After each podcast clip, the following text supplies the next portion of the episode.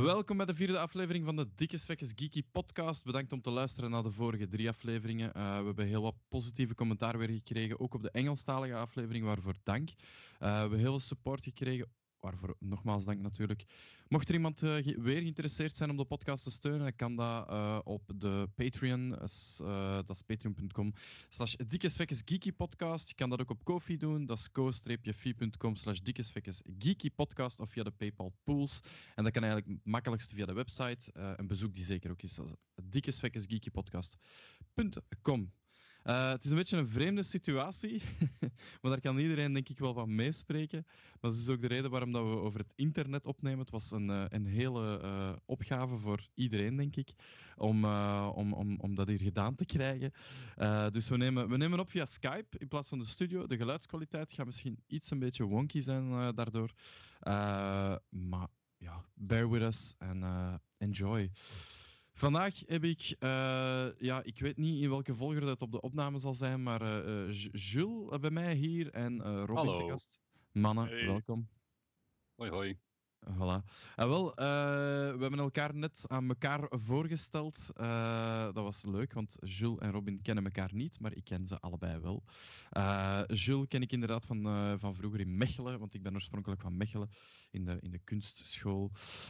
en Robin is, is een vriend van, van mijn vriendin en wij hebben elkaar getroffen op, via die manier en eigenlijk ook via de Comic-Cons en zo. ja, duidelijk dezelfde interesses, denk ik. Ik denk dat ik, dat, dat het daar goed mee samenvat dat we alle drie zeer, zeer overlappend zijn qua interesses. Uh, voilà. En wel, ik, ik zou beginnen met een korte selectie uit het, uh, uit het nieuws, uh, als, dat, als dat goed is voor jullie.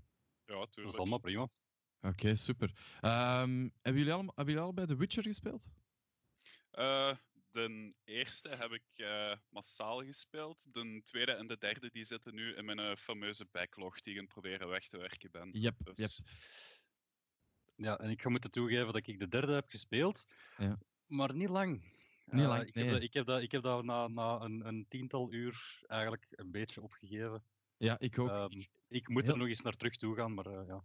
Het is, het is, maar het is een hele lange... Het is, ik, heb, uh, ik heb er een beetje niet het Skyrim-gevoel bij, maar zo het uh, Elder Scrolls Online-gevoel bij, dat het keeps on coming en nog en nog en nog en sidequests en uiteindelijk geraakt je zoveel verloren en denkt van shit, ik zit hier al tien uur op die game en ik heb eigenlijk nog niet zoveel progress gemaakt. Terwijl dat ik andere games nog in de backlog heb, zoals uh, Robin zegt, die, die, die eigenlijk meer mijn interesse. Dus ik had, ik had dat een beetje ook. Nu, uh, CD Projekt Red, dat zijn de makers uh, van, van The Witcher. dat, is, dat is een deel van het nieuws. Hè. gaat er blijkbaar een nieuwe Witcher game maken die niet The Witcher 4 gaat zijn. Ik ben wel benieuwd. Enige ideeën? Ik, ik denk gebaseerd op de serie. Ik hoop geen Telltale game. Zou boring zijn. Dat zou mij inderdaad ook uh, uh, enorm tegensteken, moest dat ineens een Telltale uh, titel uitkomen. Maar ik ben wel geïnteresseerd, want ik denk dat heel de, de lore achter The Witcher, de boeken, wel diep genoeg zijn om daar ergens anders figuren uit te trekken, om er ergens anders een verhaal uit te trekken, dat wel interessant is om te, spe om te spelen. Ja.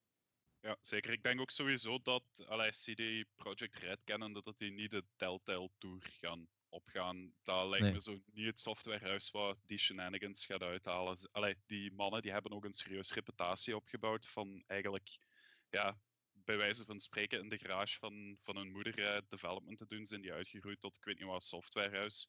Dus ik denk, dat, ik denk dat we wel iets kwalitatief kunnen gaan verwachten. Dat ze dat ook niet zouden willen van die serie onrecht aan te doen. Nee, ik denk dat ook niet. Ik denk, ik denk uh, ze hebben uh, al, een, al een expansion, denk ik, voor uh, The Witcher 3 uitgebracht. Wild Hunt. twee. Of, of twee, twee zelfs. zelfs. Blood and Stone, geloof ik. En, en nog een andere. Ik zou de kast kunnen opentrekken en ze tevoorschijn halen.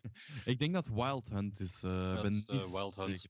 Juist, hè, ja. ja, wel, ja, kijk, we gaan, het, we gaan het gewoon weten. Um, want ze hebben ook Cyberpunk 2077 in de, in de maak, of, of misschien al uit ondertussen. Met, uh, hoe heet hij weer? Uh, what's his face? Um, Keanu Reeves. Keanu Reeves, ja. Ja, maar ja, ja. Ik, ik, was, uh, ik was al verkocht toen ik gewoon Keanu Reeves zag. Had ik al zoiets van, ja, ik wil, ik wil dat wel spelen, dat is oké. Okay. Ja. De, de... Alleen, alleen al zijn comments erop, dus Keanu heeft het verkocht voor CD Projekt Red. Meer, meer hebben ze niet meer nodig als dat, Ja. Basically. Hij komt binnenkort uit trouwens, denk ik. 16 april, als ik, eh, als ik het goed voor heb. Dus eh, ik ben wel benieuwd. Ik denk wel dat ik hem ga kopen. Ook al gaat hem fysiek waarschijnlijk overal weer al uitverkocht zijn. eh, dankzij eh, de, de, ja, de, het gekende virus. Hè. Ehm, maar, eh, maar ja, trouwens, van virus gesproken. dat, dat brengt mij direct naar mijn volgende onderdeel van het nieuws. Eh, Sony, ja. Ja, dus ik, heb, ik heb alleen dit. Nee, maar, eh, maar inderdaad, dus Sony heeft, eh, heeft een aantal films uitgesteld. Waaronder eentje waar ik, waar ik enorm naar uitkeek. Dat is Ghostbusters Afterlife. Die is van 10 juli eh, 2020 naar 5 maart 2021 uitgesteld. Ik, ook Uncharted, de, de, de film met Tom Holland als Nathan Drake. Van 5 maart 2021 naar des 8 december 2021. Dus bijna een jaar uitgesteld. Heeft dat met opnames te maken? Ik weet het niet, er is weinig over geweten. Maar ik dacht toch dat Ghostbusters Afterlife dat die ingeblikt was. Of, vergis ik mij? Is, ik, weet, weet er iemand van, eh, daar iets van? Ik ben relatief zeker dat hij ook ingeblikt was. Ik meen mij te herinneren dat ik tweets had gezien ehm, dat hij zo goed als klaar was, dat het echt puur nog post-processing was, postproductie was, ehm, waar dat ze nog aan bezig waren. Ik dacht dat Maar- ook. Ik kan mij, ik kan mij missen daarin, hè. daar niet van. Ja, Goh. ik, Ik denk ook vooral dat het momenteel niet echt interessant is voor films uit te brengen. Want uiteindelijk hebben ze ook nog altijd een hoop wat uit ja, box office van, van in de cinema, Cinema. zelf moet komen. Dus allee, ik denk, denk dat dat er ook voor het grootste stuk tussen zit hoor. Ja, dat is wel juist. Ja, dat dat ja. dat, eh, ze zouden er rond kunnen werken en, en bij wijze van spreken een, eh, platforms als eh, Netflix en, en Amazon Prime kunnen aanspreken. Maar ik denk dat de centjes iets te veel spreken daarin. En dan Yes. Want dan zouden ze bijvoorbeeld een eh, film op Netflix kunnen zetten, maar zouden ze eigenlijk vooruit de kosten te raken, volgens mij alsnog een premium moeten vragen voor er iets of wat aan uit te kunnen. Want anders Ja. gaan ze gewoon ja, het, Dus- het aantal streams vergoed krijgen, maar dat is, ja, dat is ook niet alles. Hè. Zo, ik denk ook dat, dat Hollywood er zo rond gebouwd zit dat die een openingsweekend moeten hebben. Dat die die grote brok inkomsten vanuit dat eerste weekend moeten binnen hebben. En dat daar alle leningen, alle, al het geld rond eh, vastzit. Ja, Dus als je dat- ja. niet kunt terugkrijgen aan Netflix, dan, dan gaat het niet terugkrijgen. dan gaat het inderdaad niet terugkrijgen. Ja, dat denk ik dus ook. Ehm, wat ik wel aan heb gedacht, is omdat iedereen is bezig, veranderende wereld, dat het goed kan zijn dat we na corona gewoon blijvende veranderingen gaan hebben. Eh, zoals eh, het, eh, het, het dragen van een mondkapje is, is, wordt blijkbaar heel fel besproken. Hè. Je, je bent er al op voorbereid. Ehm, maar er wordt dus gezegd dat, er, dat het zou kunnen dat het verplicht wordt. Eh, dat is nu een kleine verandering. Ik denk niet dat mensen dat ook heel erg gaan vinden als dat echt verplicht gaat worden. Eh, ik denk ook niet dat iedereen dat gaat doen, maar bon. Eh, maar ik denk ook dat dat toch een, een verandering gaat brengen in het, in het uitbrengen. Niet alleen van films, maar ook van series, games. dat ze toch veel digitaal eens gaan moeten proberen. Ik, ik zou er niet tegenop zien om bijvoorbeeld 7 of 8 euro te betalen om Ghostbusters eh, nu te kunnen zien. Ik zou, ik zou dat niet zo erg vinden. En ik zou waarschijnlijk, want iedereen zweeft wel een beetje in dat piracy-verhaal, denk ik, hè? Met, met, met films downloaden en series. Maar ik zou misschien wel wegblijven van, van, van piracy, eh, moest, moest het zo goedkoop zijn. Want het probleem is dat vaak veel te duur is. Dat vaak nog altijd 15 euro voor een digitale file is, eh 70 euro voor digitale games. En, en daar zit ergens voor mij iets, nog iets verkeerd. Wie weet gaat deze veranderende wereld, die meer digitaal gaan moeten gaan, want dat is nu al het geval, denk ik, gaat dat wel helpen daarin. Dat is mijn visie. Ik weet niet wat dat waar is. Ik denk wel dat er qua digitale platformen dan wel nog een paar dingen gaan moeten aangepast worden. Want bijvoorbeeld ehm, de PlayStation Store, als je iets van de PlayStation Store hebt gekocht, je begint het te downloaden, vanaf die moment zijn de alle rechten kwijt. Vanaf Ja. die moment kun je, geen, kun je geld niet meer terugvragen. Desondanks, allee, als het product niet werkt, of, of wel of niet werkt, je kunt je geld niet meer terugvragen, want je zet het beginnen downloaden. Ja. En dat, dat puntje van beginnen downloaden, ja, ik weet nog niet wat ik gekocht heb, ik weet nog niet of dat werkt, ik weet nog niet... Ja, exactly. En Steam ik, ik, bijvoorbeeld ook. Ja, bij s- Steam, wel. bij Steam Voilà. zet je rechten kwijt als je het land, eh, allee, als, je, als je verhuist van, naar een ander regio, naar een ander land, zet je ook je rechten kwijt op je bibliotheek van games. Games waar dat je altijd in je, in je hoofd hebt ge- gedacht van, ja, ik heb die gekocht, die zijn van mij. Mij. Maar dat is niet zo, die zijn van Steam. Je hebt een Ja. licentie gekocht om die te mogen spelen. Maf, hè? Ik, ik, ik, ik, ik denk wel, wat, wat volgens mij wel toekomst in zit, ik heb dat ook getest. Ik weet niet of jullie dat al gespeeld hebben, die streamingdiensten. Eh game streamingdiensten. Dus dat je bijvoorbeeld games kunt streamen die eigenlijk niet lokaal zijn, eh, zijn, zijn geïnstalleerd. Ehm, en zelfs op mijn Mac werkte dat eigenlijk wel redelijk goed. Pas op, nog niet, Hm. nog niet 100%, maar dat werkte wel redelijk goed. Ik denk dat er wel wat toekomst in zit. Goh, ja en nee. Ik word eh, beroepsmatig best veel eh, geconfronteerd met clouddiensten en dergelijke. En hoewel dat, dat een uptime van 99,9999 zoveel procent heeft, het kan altijd down gaan. En eh, dat is hetzelfde als er een outage op Steam of op Blizzard, eh Blizzard net is. Ehm, dat is een dikke merde. En Ja. ook, ja, het is in België, we zijn nog een van die derde wereldlanden op het gebied van, eh, van telecom. Dus Ja. wij zitten hier nog met lijnen. Voor de meerderheid van de mensen is dat echt nog niet aan de orde van, van ja, streaming, games. Ehm, het is een wonder dat wij tegenwoordig al vlotjes Netflix en dergelijke kunnen streamen. Ja, En- dat is waar. Ik denk ook voor hobbyisten, allee, dan kijk ik ook naar mezelf, eh, PC's in elkaar steken en zo, dat is niet iets wat ik de komende jaren zie uitsterven. Het is ook ja, de vereisten voor bijvoorbeeld VR en dergelijke. Dat is iets wat ik nog niet via streaming snel zie gaan. Ik denk dat Nee. we daar echt nog wel een jaar of tien makkelijk van afzetten, eer dat alles volledig op streaming over gaat gaan qua games. Ja, dat is wel juist, want dat, eh, dat, dat was ook een van die dingen dat ik, dat ik wou, maar dat, dat zal ik straks dan eh, even bespreken. Bijvoorbeeld zoals eh, die nieuwe Half-Life, Alex of Alex, Ja. of hoe dat je het moet uitspreken. Dat, dat ziet er mij ook wel een heel zware game uit om, om, om live, allee, om te streamen eigenlijk. Plus, dat, ja, ik denk dat die streaming machines, dat ze dan uitbrengen, die, die kleine microcomputers waarmee dat je dan kunt streamen, zogezegd. Denk dat dat toch wel net iets te zwaar is, omdat dat processormatig moet gebeuren, dat, dat vertalen naar, naar de, de headset zelf. Kijk naar de PlayStation 4, de, de gewone PlayStation 4, die een extra bakje nodig had om, om, om nog maar de VR te kunnen draaien eigenlijk, een extra processor. Allee, ik kan me daarin vergissen, dat, dat, maar Ja. ik denk dat dat bakje daarvoor dient. Ehm, dan ga ik u even ja, wat bijsturen. Ehm, het is zo eigenlijk, als jij aan streaming en zeker gaming over streams doet, eigenlijk heel uw workload wordt afgeladen naar de bak waarop dat het draait. Dus die kleine bakjes, dat is eigenlijk niet meer als een poort naar uw bak waarop dat het draait. Heel uw hardware zit eigenlijk in die cloud. Ah, ja. Vandaar dat je ook met zo'n klein bakje wegkomt. eh, voor ja, bijvoorbeeld ehm, via Steam dingen te streamen. Ehm, tegenover bij PlayStation was het effectief meer eh, rekenkracht wat dat je aan uw bak hing. Omdat je Ah, daar ja. niet met streaming zit. Daar zit je effectief met uw lokale hardware te werken. Ah ja, ja, oké. Eh, en denkt, maar hoe werkt dat dan met bijvoorbeeld met, met VR lokaal? Als je dan. Maar streamen ze VR-games op PC? Ik weet dat eigenlijk zelfs niet. Goh, bij mijn weten niet, maar dat is eigenlijk hetzelfde principe. Ehm jij gaat dan op je bakje wat dat je lokaal hebt, gaat eigenlijk bitter weinig draaien, behalve gewoon uw stream naar de server waarop dat uw game aan het runnen is. Dus Ah ja, dat is niet meer als gewoon ja, die data. Gelijk dat wij nu via Skype bezig zijn, is het eigenlijk gewoon ja, een upstream of een downstream van info wat dat je binnenhaalde. Maar ik denk dan in mijn eigen. Ik, ik, heb, net, ik heb net mijn, eh, mijn, eh, mijn internet speed getest voordat we deze gesprek hadden. Iets dat ik al lang niet meer had gedaan. En ik zit hier wired, eh, zit ik maar aan 60 megabit per seconde.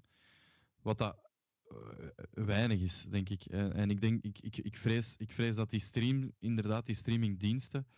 eh allee, oké, het ligt ook wel aan het feit waarschijnlijk dat iedereen thuis zit en, en dat daardoor alles een beetje naar beneden gaat. Eh, maar inderdaad, ik zie, ik zie niet gauw echt huge, huge open world games eh, daar, daar, daar correct en, en altijd op werken vooral. Zoals gezegd, 99,9% van de tijd gaat het wel werken. Maar dan komen we inderdaad terug op wat Jules zei. Je hebt betaald voor die dienst en die 0,01% of 0,1% dat het dan down is, ja, pech gaat niet je geld terugkrijgen, gaat niet je, gaat niet je tijd terugkrijgen, gaat, niet, gaat niks terugkrijgen, omdat Alles zit in dat online uh, super lange tekst dat je in het begin uh, zegt van ik ga akkoord. Van ja, als het kapot is, heb je pech. En dat is inderdaad een wereld dat we toch uh, ja, gaan moeten vergemakkelijken, denk ik.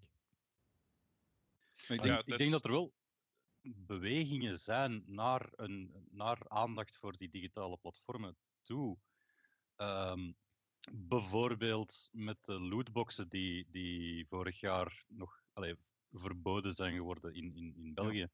dus er is, wel, er is wel aandacht voor, er zijn wel mensen die ermee bezig zijn, er zijn wel regelgevers die ermee bezig zijn. Dus ik heb daar wel vertrouwen in. Hoop, hoop voor. Op hoop, ja. Maar ik ga dat ook niet volgend jaar zien gebeuren. Ik ga dat ook niet binnen twee jaar zien gebeuren. Ik ga dat ook niet binnen vijf jaar zien gebeuren. Dat duurt nog wel even. Dat zal wel een jaar of tien nog duren, denk ik. Um, van uitstel gesproken trouwens, uh, ik ben, er nog twee vergeten. Uh, we, gaan, we gaan waarschijnlijk moeten wachten op het vervolg van de Witcher-serie uh, op Netflix, omdat de productie daarvan is stilgelegd. En ook nog iets nieuws wat ik zelf niet wist eigenlijk, dat er al meer over geweten was. Ze gaan een Lord of the Rings-serie adaptatie doen, dat wist ik. maar ja, die, gaat, die productie is ook volledig stilgelegd. Maar er is blijkbaar al meer geweten over, over over wat dat gaat gaan. Dat wist, wist ik eigenlijk niet. Uh, dus het zou gebaseerd zijn in de Second Age. Dat is 3000 jaar voor de, in de ban van de Ring-trilogie. En dat is eigenlijk ook de periode waarin dat de ringen gemaakt zijn. Uh, dus dat zal volgens mij wel super, super interessant zijn. Als de adaptatie even goed is als bijvoorbeeld, ik denk aan Dark Crystal.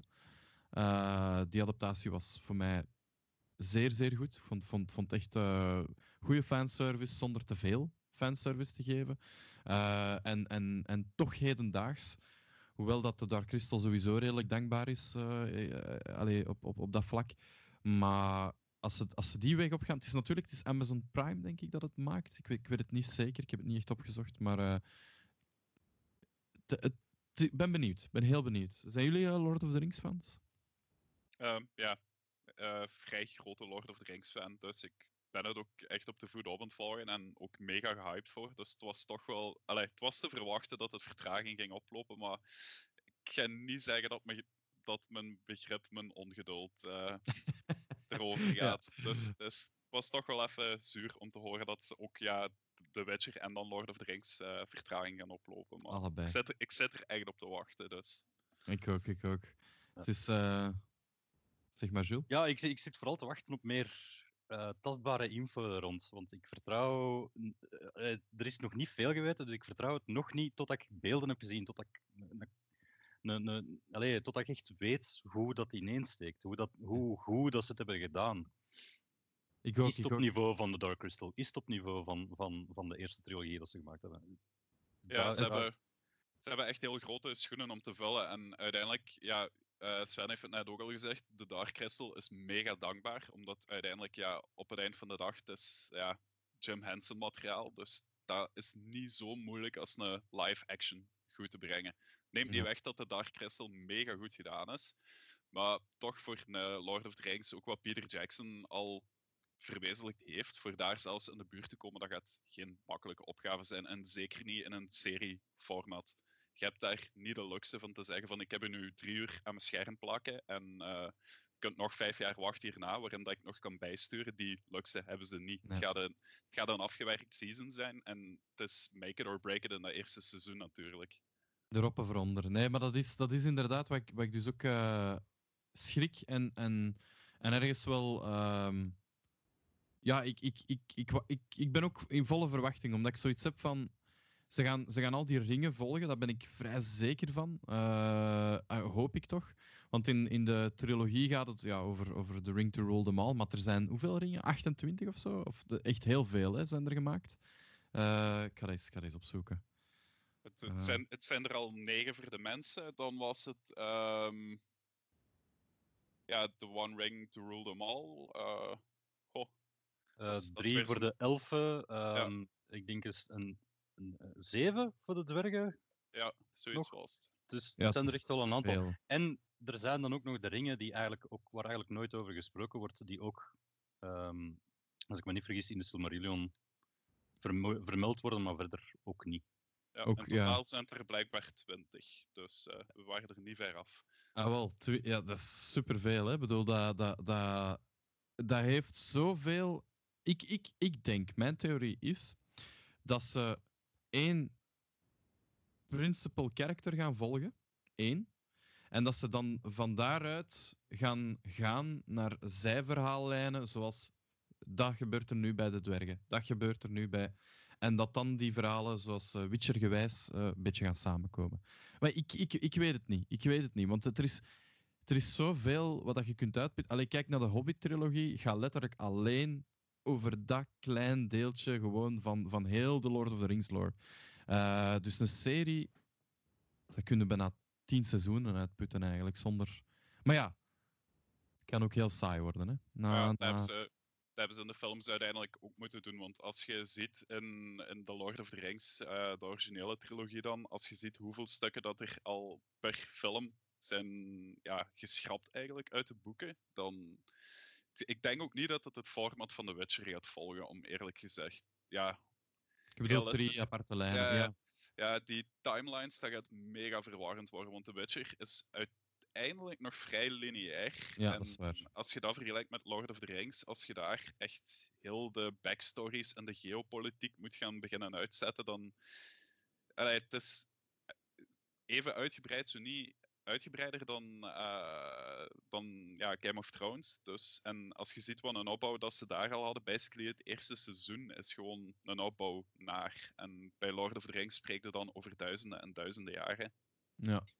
Ja, uh, wel, inderdaad. Ik denk dat Game of Thrones misschien een betere, een betere vergelijking is.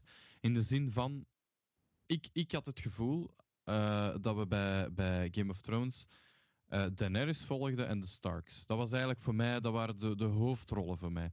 De Lannisters waren, waren de, de, beetje de, de, de antagonisten. Hè. Maar de, de hoofdrolspelers waren voor mij Daenerys en de Starks. Um, en ik denk, denk dat, dat, dat, ze dat toch ook gaan moeten doen als ze een Lord of the Rings-serie uh, gaan, gaan maken. Ze gaan er toch wel twee hoofdrolspelers moeten uitkiezen, of toch alleszins delen uit, uit, uit, uh, uit The Lord of the Rings als voortstuwer van het verhaal. Omdat als ze heel die lore daarin gaan willen proppen, dan, dan gaat het te veel zijn. Dan heel goed voor fanservice. Voor de megafans gaat dat super zijn. Maar ik denk dat Peter Jackson, zoals je daarnet ook al zei, heeft toch wel de juiste keuzes gemaakt. Hij heeft, hij heeft er heel veel uitgelaten, maar ook heel veel fanservice gegeven, kleine winks. Uh, hier en daar. En kijk hoe lang dat die film zal zijn. En inderdaad hoeveel dat ze er hebben uitgeschrapt. Uh, en toch nog zo lang zijn. Uh, maar toch nog altijd goed voor iedereen.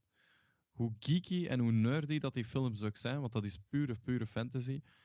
Ik denk dat het grote volk er ook van kan genieten. Alleen het groot publiek, zal ik maar zeggen, er ook van kan genieten. Hoewel dat, je, dat ze misschien nog nooit van de boeken hadden gehoord ervoor. Of zelfs niet weten wie Tolkien is.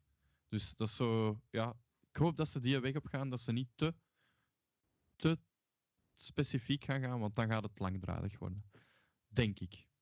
Ja, want het is, uh, uiteindelijk Lord of the Rings is een heel goed oorlogsverhaal, een heel goed liefdesverhaal, een heel goed reisverhaal. En er, dat gebeurt gewoon met elfen en dwergen en, en, en, en, en, en magie. Ja. Het kan even goed gebeuren met, met, met raketten en, en lasers en, en, en ja, kan. dat is waar. En, ja. en dat, is, dat is Peter Jackson zijn grote kracht geweest uiteindelijk. Van, ik, ik vertel een verhaal dat iedereen zich in kan vinden, namelijk oorlog, liefde, uh, uh, verlies en, en, en, en, en de overwinning. En dat is met elfen en, en kastelen en, en... En Liv Tyler. Dus. Onder andere. nee, maar dat is, dat, dat, dat, dat, is het inderdaad. Ik had ook trouwens met Rogue One, uh, uh, om even totaal uit de fantasy te gaan. Ik, ik had die film gezien en, en ik heb die samen met mijn vriendin gezien, die totaal niet into Star Wars is, of was toen. Uh, en, en ik keek naar die film en ik, na de eerste bekijksessie, zal ik maar zeggen, had ik zo, oh man, wat een slechte film. En zij zei me, ja, bekijk dat nu eens als een, als een oorlogsfilm. En dan dacht ik in mijn eigen, heb ik echt uh, uh, een week daarover nagedacht. En inderdaad, dat is gewoon een goede oorlogsfilm. Rogue One is, is geen top Star Wars film, zal ik maar zeggen. Maar het is wel een hele goede standalone oorlogsfilm. Omdat het gaat heel veel over de, de, de psychologie erachter, sowieso. Over, over de, de, hoe dat die mensen zich voelen. Heel klein, hoewel dat Star Wars altijd heel groot gaat, met 700 verschillende characters, is Rogue One eigenlijk veel kleiner, veel intiemer. En, en gewoon een goede oorlogsfilm. Een heel goed plot. Mm. En dat is me- misschien met Lord of the Rings ook zo. Als je dat, als je dat zo kunt bekijken. Ja, ik had bijvoorbeeld bij de Warcraft-film, om nu even terug naar fantasy te trekken, had Ja. ik het net het tegenovergestelde eigenlijk. Ik mij perfect had geamuseerd met die film, want ik wist wie, wie die figuren waren, ik wist wat er aan het gebeuren was, ik wist waarom dat aan het gebeuren was, en ik wist waarom dat, dat belangrijk was. En dan, mijn beste vriend zat op die moment naast mij en die snapte er niks van. Die vond dat een, een hele middelmatige film, want die, dat verhaal trok eigenlijk op niks. Maar Nee. al de, de duizend jaar ervoor en de duizend jaar daarna, waar dat ik van wist, ja, die zijn interessant en, ik- en daarom kon ik van die film genieten. Nee, En ja. ik, denk, ik denk inderdaad, eh, Warcraft, de film ook, heel veel mensen hadden verwacht dat dat ook meer actueel in World of Warcraft zou zijn, maar het was eerder ook een fanservice naar de mensen die de, de RTS-games van Warcraft gespeeld hadden. Want Ik was hem dan met mijn guild van World of Warcraft gaan kijken en zelfs daar zat een hoop mensen die zoiets had van, ja oké, ik heb die namen nooit gehoord, maar waarom is er nu letterlijk 40 minuten van die film besteed aan één personage daarop in te zoomen en Allee, wat, wat maakt het uit dat er één duel op het einde van de film precies eh, de hele wereld gaat maken of kraken? Ja, die film die was eigenlijk keigoed, maar die caterde aan zo'n klein niche dat, ja, dat het quasi een flop was. Want voor de niche waar, waarop dat hem afgestemd is, is dat een sava film, maar voor het grotere publiek, ja, die zal het eigenlijk koud laten dat er één ork en één mens elkaar de kop proberen in te slagen, terwijl dat, voor dat universum een mega bepalend moment was. Want dat was letterlijk de turning point dat alles nog harder down the shitter ging. Maar de gemiddelde mens heeft zoiets van, ja, oké, va, ik kan anderzijds ook een Lord of the Rings opzetten en daar zie ik 5000 man met elkaar vechten. En dat, allee, dat is veel breder getrokken. En een, een, een heel goed voorbeeld, eh, vind ik, Jules, eh, van, van fanservice die te ver is gegaan. Ik vind, vind Ja. een heel goed voorbeeld. Omdat dat zijn de gevaren van fanservice. Eh je kunt, zoals trouwens, maar dat is al uitvoerig besproken in vorige podcast, eh, je kunt te ver gaan in, in, in fanservice. En dan wordt het inderdaad een mini-niche film. Zoiets dat je tussen, tussen maten normaal gezien zou bespreken. Van, hey, stel u voor als, maar wat als? En, oh, maar je zou, moesten ze dat laten zien? En dat is, dat is niet goed. Dat is, dat is zelfs voor een mega-fan. Denkt je ook in je eigen, oh, misschien is dit toch wel een beetje te ver gegaan. Ik, ik, had dat, ik, heb, ik heb dat gehad een aantal keer met, met de nieuwe Star Wars. Pas op, ik ben, ik ben fan van de nieuwe Star Wars eh, trilogie, de laatste. Eh, ik, ik ga dat niet slecht spreken. Eh, ik, ik, ik, ik denk dat het een hele zware taak was om die nieuwe Star Wars eh, films te maken. Sowieso al. En ik vind dat JJ het, het heel goed heeft gedaan. Let op, ik zeg JJ. De film daartussen, die is voor mij vergeten. Die bestaat niet. Maar, maar Force Awakens was goed. Ri- Rise of Skywalker heeft veel goed gemaakt. Hij heeft er heel veel fanservice in gestoken. Zonder te overdrijven. Veel knipogen. Veel kleine hintjes naar... hey, dat is dat. Ja, en deze is dat. En weet je nog? Ook veel onnodige shit, zoals Lando en zo, die, die er plots verschijnt. For no reason at all. Die plots een dochter heeft. For no reason at all. eh, buiten een eventuele spin-off of zo. Dus, eh, maar bon. Los daarvan denk ik dat fanservice verkeerd kan gaan. Ja, want ik, ik had ehm, bij de Star Wars, ik heb dat al veel langer. Na met, de, met de prequels had ik het eigenlijk al van waarom is 3PO hier weer al? En die, is, die was, op, die, die is er daar dan maar, hè, van ja, plotseling schrijven we dat erin, dat je, dat je gemaakt is door Darth Vader. En, en, en, en, en na de, na de ehm, na 4, 5 en 6 komt hij er terug in. En, en dacht ik, wat, doe- wat doe jij hier? We weten dat je bestaat, we weten dat je deel bent van het universum, het is goed. Allee, er mogen andere dingen zijn, er mogen andere karakters zijn. En had ik Jawel. ook hetzelfde met Lando, zo van, ja, moet die terugkomen? Ja. Weet je wat het is ook? Je hebt, daar, je hebt daar echt een nagel op de kop geslaan. In de zin van. eh we hebben Anthony Daniels al, al een aantal keer te gast gehad op onze, op onze Comic Cons. Dat is de eigenlijk de acteur die, die C-3PO speelt. Heel toffe kerel. Top verhalenverteller, ook in het echt. En dat, dat toont perfect hoe slecht dat George Lucas is in verhalen vertellen. Hij heeft absoluut altijd diezelfde verhalenverteller nodig in de film. Dus C-3PO is eigenlijk degene die het verhaal vertelt. Uh, om, om de film te kunnen op gang te brengen en om alles te kunnen linken. Want anders lukt hem dat gewoon niet. Dat lukt hem gewoon niet om, om die dingen te doen. En JJ heeft dan volgens mij in diezelfde lijn moeten volgen omdat mensen dat nu ook verwachten. De grote massa verwacht dat ook. En natuurlijk, ja, comic relief. Hè, C-3PO en, en R2-D2 zijn een beetje de comic relief. De droids zijn dat eigenlijk doorgaans bijna altijd. Uh, kijk naar de flop van Jar Jar Binks. Geen droid. Goede comic relief. Want als je dat eigenlijk allemaal apart bekijkt, voor kinderen is dat eigenlijk heel grappig. Um, jonge kinderen, voor wie dat toen eigenlijk ook geschreven was maar totaal niet gesmaakt door de fans. Terwijl dat bijna alle droids die geschreven zijn als comic relief altijd wel gesmaakt zijn geweest. Of toch niet afgebroken zijn geweest. Buiten die laatste Beep Beep, eh, ik weet niet wat zijn naam is. Dat was een beetje ertegen, maar ook niet zo erg als Jar Jar Binks. Er is nog nooit zo'n haat gebeurd als toen. Uh, het is wel een goede verhalenverteller, maar toont wel aan hoe dat George Lucas eigenlijk met zijn verhalen omgaat. Hij heeft absoluut één personage nodig die elke keer opnieuw datzelfde verhaal vertelt. Jij wil nog iets zeggen, Robin? Uh, officieel, ik weet niet wie, uh, wie iets wil zeggen.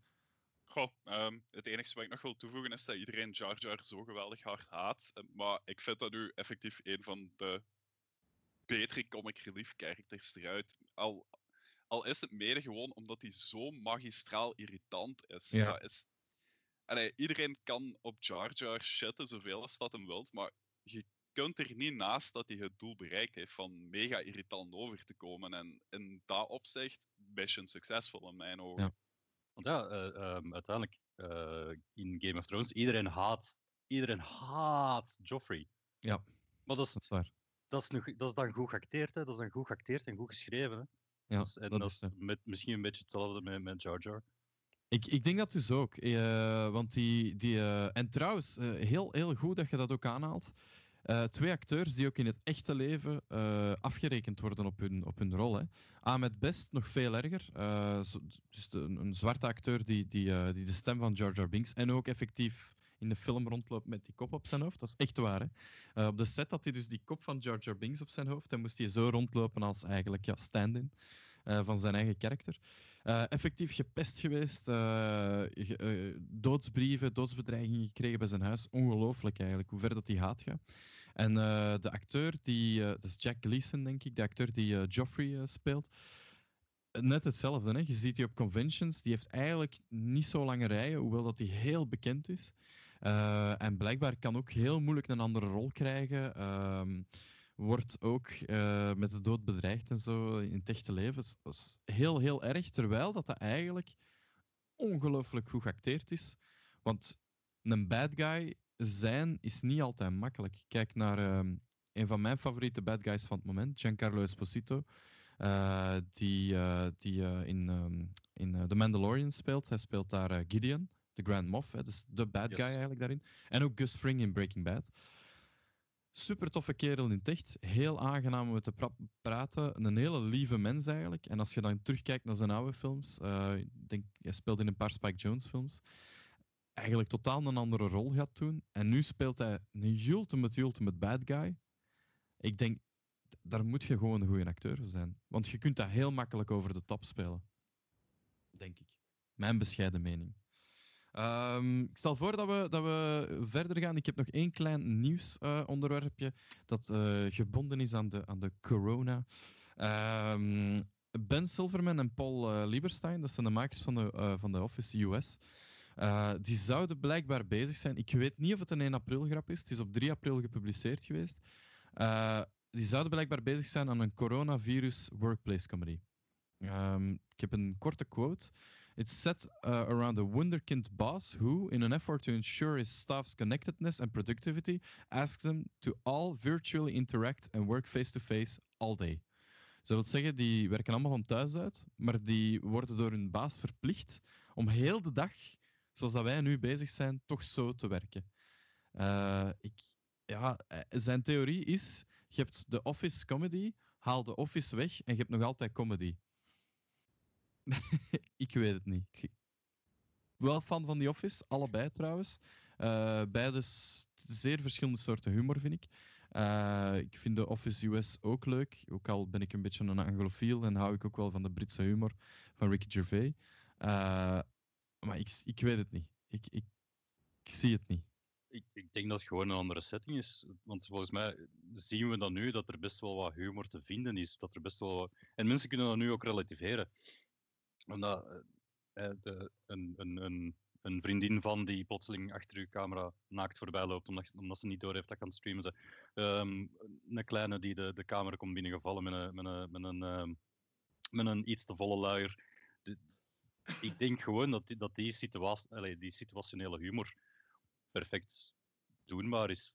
Dat hoeft daarvoor niet de office te noemen. Dat is gewoon, ja, dat is waar. Dat blijft humor. Ja, en ook, het is mega actueel. Dus allee, het was ook maar een kwestie van tijd voorgeleerd dat iemand erop ging capituleren. Van uh, deze situatie ook een beetje een belachelijke te trekken. Want dat moet, naar mijn mening, ook kunnen. Want als we dit te serieus gaan nemen, ja, wat mag er dan wel nog? Want allee, je, ziet, je ziet het op het internet nu ook. Eh, allee, de memes die zijn gewoon oneindig op dit moment. Al, dus, er is bijna niks anders dan corona en het gaat twee kanten uit. Het, ja, het is super serieus en we moeten alles terecht ook wel hyper serieus oppakken, maar dan heb je ook ja, het grensbenaand absurdisme op dit moment op het internet, wat je allemaal kunt vinden. En ik vind dat ergens wel goed dat ze daar zo snel op inpikken dan. Um, ook ja, producers die al een historiek hebben van succesvolle office comedies af te leveren. Dus allee, ik, naar mijn mening is het wel heel opportun en ik denk ook wel dat ze erin gaan slagen. Want uiteindelijk het zijn dezelfde mensen die de verkoop van papier een geweldige comedy rond hebben kunnen schrijven. Dus als je zo een droog concept al kunt uitbouwen, dan biedt deze quasi oneindige mogelijkheden. Hè. Ja, dat is wel waar. Ja, het is, het is, het is alleen, ik, ik vraag me af hoe dat ze het visueel interessant gaan maken. Gaan ze dan deze setup, met hoe dat ik het nu zie, drie webcams naast elkaar of vier webcams naast elkaar, of gaan ze dan elk, uh, effectief zoals in die office, uh, in die persoon zijn huis en dan uh, shot tegen shot. de, dat, dat, dat weet ik nog niet hoe dat, dat zit. Ik zie dat misschien wel goed komen, of goed komen. Hoe dat ik het in mijn hoofd zie, is een beetje skitgewijs eh, SNL uh, short bits, zo van 5 à 10 minuten op YouTube, waarin dat er inderdaad dat webcam setup uh, gebruikt wordt. En dan kun je heel kort, meme-gewijs, korte skits van 10, 15, 20 seconden doen, waarin dat er, dat er zo'n moppen gedaan worden. In, in, in afleveringgewijs, Office lang, lengte, want ik denk dat die aflevering van die Office 20, 30 minuten toch? Zo, ja, 20 minuten. Ja, wel, dat is toch 20 minuten te vullen met, ja, met mensen die eigenlijk thuis zitten. En ja, het kan. Het kan. Goh, uh, ik, ik, denk kan dat beide wel, kanten want, op. Ja, ik denk dat wel, want als je dan bijvoorbeeld naar uh, webseries kijkt, The Guild, ik weet niet of dat jullie dat ja. gezien hebben. Met dat Felicia werkt, Day. Ja, met Felicia Day, dat werkt eigenlijk via hetzelfde principe. Het, is, het schakelt de hele tijd tussen wat dat zij voor in een monitor op een webcam aan doen en het zeggen zijn. En daartussenin hebben dan eigenlijk shots wat dat in een omgeving gebeurt. En in de latere seizoenen is het wel zo dat ze ook meer bij elkaar komen en al. Maar ik denk dat je dat format wel een parallel kunt trekken tussen wat dat zij willen gaan doen. Dus ik zie die mogelijkheid zeker wel. Uh, ik zie dat ook, maar ik zie dat online. Ik denk dat mensen, uh, dat mensen die naar tv kijken, traditioneel of, of Netflix, hè, want tegenwoordig kijkt het grote publiek ook naar Netflix. Ik denk niet dat die er al klaar genoeg voor zijn. Ook, niet vergeten, ik heb het net opgezocht, de afleveringen van The Guild waren tussen de drie en de negen minuten. Hmm. Dus uh, dat lijkt langer in mijn herinnering. Ik dacht ook dat dat echt wel volwaardige afleveringen waren. Maar dat is, ja, ik, het is, je zit toch met een heel klein kader. Alhoewel Dunder Mifflin ook niet groot. Hè? Eh, de, de setting van, uh, van The Office is, ook, is eigenlijk ook niet zo groot. Je hebt dan die, ja, dat kantoor en, en heel af en toe dat warenhuis. En dat, dat, dat is het ook. Hè? Ik bedoel, voor de rest uh, ja, ik zeg warenhuis, maar ik bedoel magazijn. Uh, ja, ik, ik, ik weet het niet goed. Ik weet het niet. ben wel benieuwd. Ben wel heel benieuwd. Want ik vind twee heel getalenteerde schrijvers. Dus who knows. Um, dan gaan we over tot, uh, tot mijn eerste onderwerp. En ik heb dat poëtisch de Corona Confessions genoemd. ik, ik heb al een eerste vraag voor jullie, om, om jullie een beetje beter te leren kennen. Um, we zullen beginnen uh, met, met Jules. want die staat aan mijn linkerkant. Uh, welk boek zou jij meenemen naar een onbewoond eiland? Stel, uh, de corona Walking Dead breekt uit. Jij ziet plots een kans van, ik kan hier aan ontsnappen, maar ik moet daarvoor wel op een onbewoond eiland gaan. als je één boek mocht meenemen, je hebt je valies openstaan en je kunt één boek meegrabbelen. Welk zou je meenemen? Um, dat is nog een beetje een dubbeltje tussen uh, de SAS Survival Guide. Um, zeer aangenaam leesvoer, want dat is ook een heel, uh, echt een heel product van zijn tijd. Omdat dat, dat, dat is oorspronkelijk geschreven in 54 of zoiets. Oké. Okay. Ik kan, kan mij daarin missen. Dat is al een heel oud boek. Zeer interessant leesvoer, maar ook gewoon interessante informatie voor op een onbewoond eiland tijdens een Just. apocalyps. Um, en ik heb ook nog de Zombie Survival Guide van Max Brooks, waar um, de, ook de schrijver van World War Z um, ah, en de Zombie Survival Guides is eigenlijk een, een kunnen best vergelijken met een, een serie kortverhalen, um, anekdotisch geschreven, die, die, die zo zijn universum vanuit uh, zijn universum waar dat met World War Z verder is gegaan, beter opbouwen. Dus eigenlijk uh, zowel informatief als ja, ja het is informatief geschreven als, als een survival guide, maar de anekdotes ertussen um, maken het verhaal van World War Z. En eh. dat is een dikke aanrader, in ieder geval. Oké, okay, super, cool. Robin? Goh, uh, voor mij is het niet zo strijdforward. Het uh, probleem is ook omdat ik eerder kortere formats meestal lees. Uh, manga, comics, um, light novels. Um, maar ik denk een deze geval dat ik voor een omnibus van Lovecraft zou gaan. Um, ah, goeie. Reden, da reden daarvoor is, um, die boeken zijn zo'n constant reminder van uh, hoezeer je down the shitter ook zit. Uh, je kunt nog altijd gek worden en er kan nog altijd een of andere cosmic deity gewoon je planeet opfretten en dan is het ook gedaan. Dus dat is wel iets waar dat je op een onbewoond eiland aan kunt vasthouden. Ook in die eerste dagen van krankzinnigheid, dan heb je altijd inspiratie voor een of andere old god te vinden die je aanstaat en kunnen daar uh, wat ritueeltjes rond gaan. Wa waan ideeën. Ja, ja, ja. Waar kokosnoten sacrificen. Ja, Sessa. ik, ik, ik, uh, ik heb veel minder slim gedacht en ik heb heel emotioneel gekozen. Uh, ik, ik zou de, de, de, uh, de eerste Harry Potter boek meenemen. Dus Harry Potter en The Philosopher's Stone of, of Sorcerer's Stone, in, in welke taal dan ook. Omdat dat, dat is een van de eerste boeken, zal ik maar zeggen, die ik zelf heb gekozen, die niet, die niet aan mij opgelegd is geweest. Uh, en waar dat ik eigenlijk opnieuw en opnieuw en opnieuw en opnieuw kan lezen. En ik denk dat dat mijn grip op de realiteit wel zou uh, vasthouden, omdat ik dan toch kan vasthouden aan herinneringen. Hè? Want je bent daar toch alleen of misschien met één andere persoon. Dus ik heb heel emotioneel gekozen. Ik moet nu wel zeggen, als ik jullie keuzes hoor, uh, vind ik de mijne plots niet meer zo goed. Ik, ik wil veranderen, maar ik weet nog niet in welk.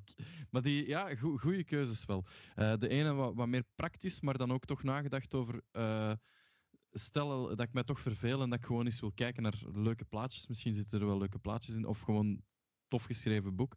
En een andere inderdaad, ja, een omnibus uh, kun je toch wel uh, serieus wel leesvoer en kun je ook opnieuw en opnieuw naar, uh, naartoe gaan voor verschillende redenen. dan welke film, Jules, zullen we weer met u beginnen? Um, ja, ik, ik, mijn favoriete film wisselt continu. Um, maar ik denk nu, voor, nee, nu, de eerste film waar ik aan denk is Hotel Budapest. Ah ja, topfilm. Ja, wel heel uh, Die is fantastisch. Dat is, er zit zoveel humor in, er zitten zoveel kleine details in, er zit zoveel... Ja, ik kan, ik kan niet blijven kijken.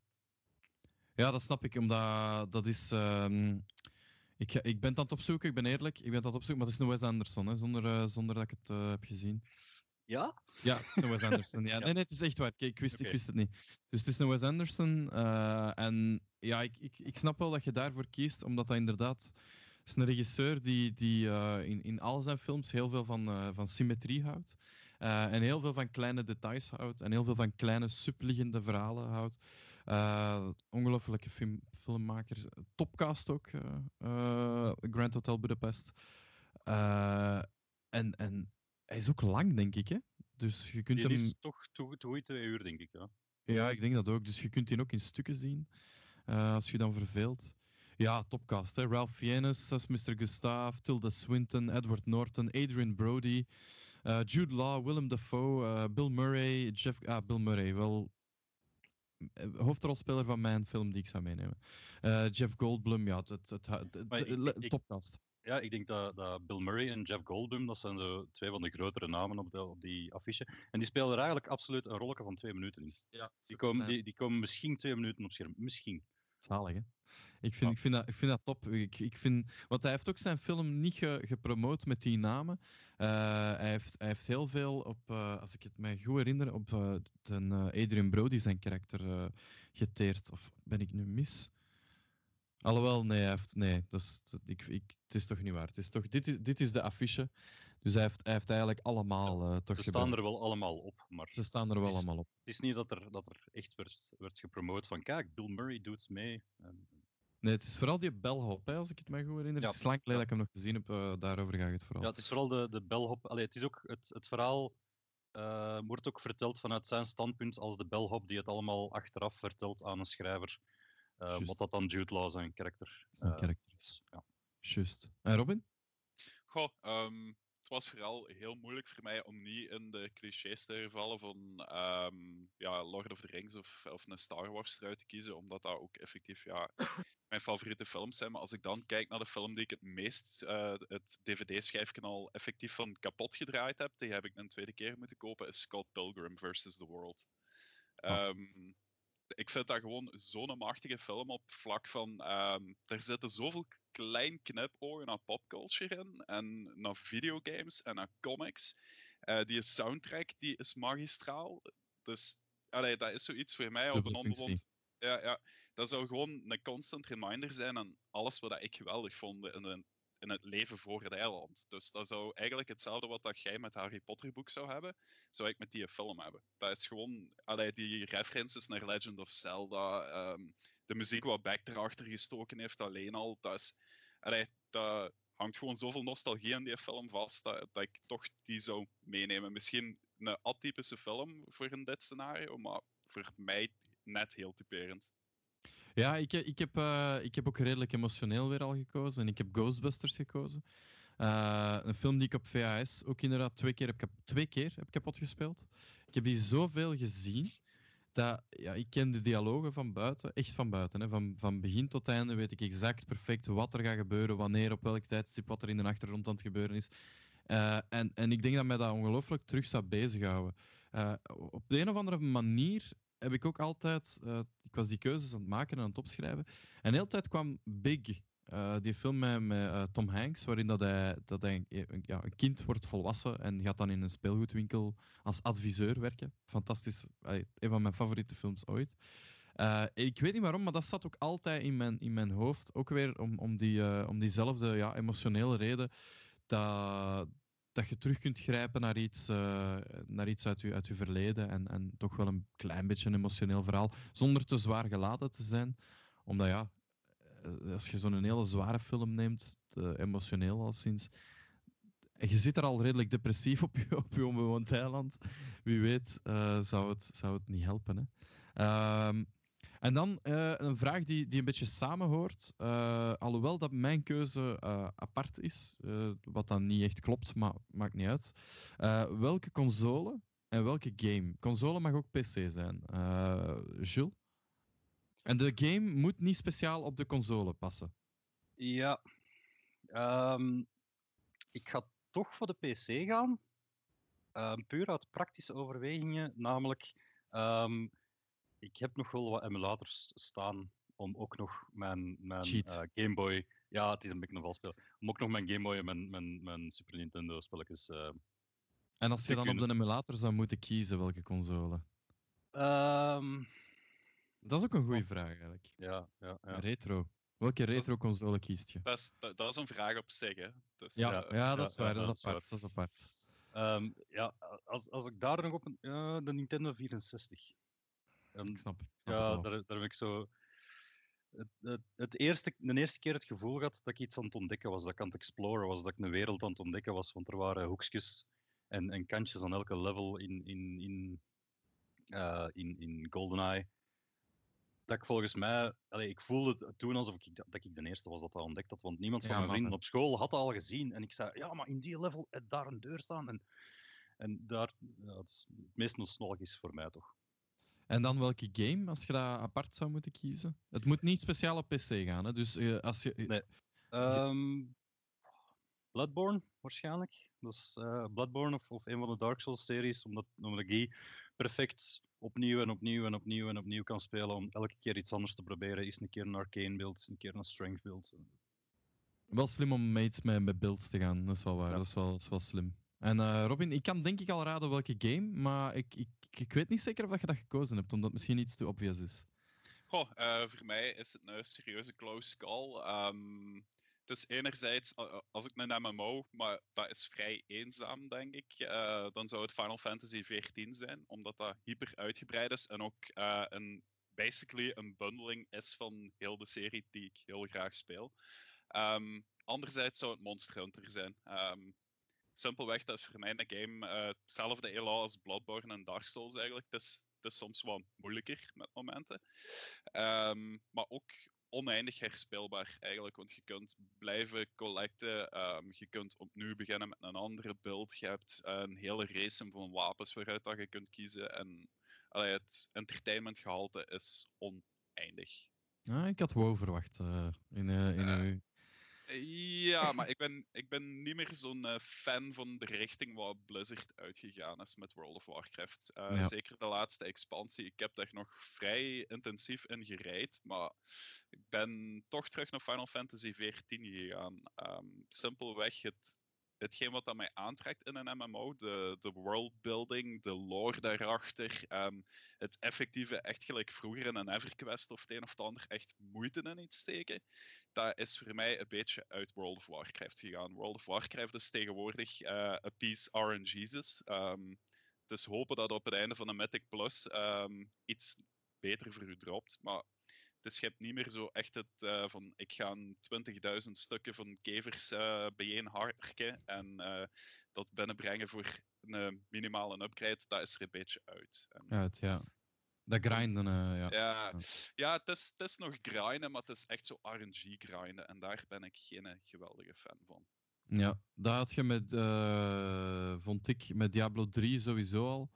Uh, dat begin was, was, was leuk, hè, was, was heel tof. En dan zijn ze daar te ver in gegaan. Hè. Dan zijn ze weer al de Ultra Mythic Ex Explosion, Crazy Legendary, 17 Color Gems uh, daaraan gaan beginnen toevoegen. En dan, dan is het wel grinden, maar voor inderdaad. Allee, er is een moment waarop dat je een toplevel hebt bereikt waarop dat, dat ook niet meer uitmaakt als je level 700 uh, eh, ding, uh, van die, ja, ik ben zelfs al vergeten hoe het heet, uh, van die... Item level? Ja, wel, de, inderdaad, als je, als je daar... het heeft, het, soms heeft het geen zin meer om, om, ja. om, om te blijven, blijven, blijven, blijven gaan. Ehm, ik ben hier ondertussen heel eventjes een technisch probleem aan het hebben, maar ik ben het al aan het oplossen. Kijk, voilà, het is al, het is al, het is al opgelost. Uh, ja, voor mij, ik, ik, heb ook een beetje vals gespeeld, omdat ik net, ik heb onlangs iets ontdekt, het zit ook een beetje in de grijze zone. Dus ik speel uh, voor uh, copyright redenen alleen maar kopieën van games die ik bezit. ik zou de, de console, dus de PlayStation 2 kiezen, omdat ik daar heel fond memories aan heb.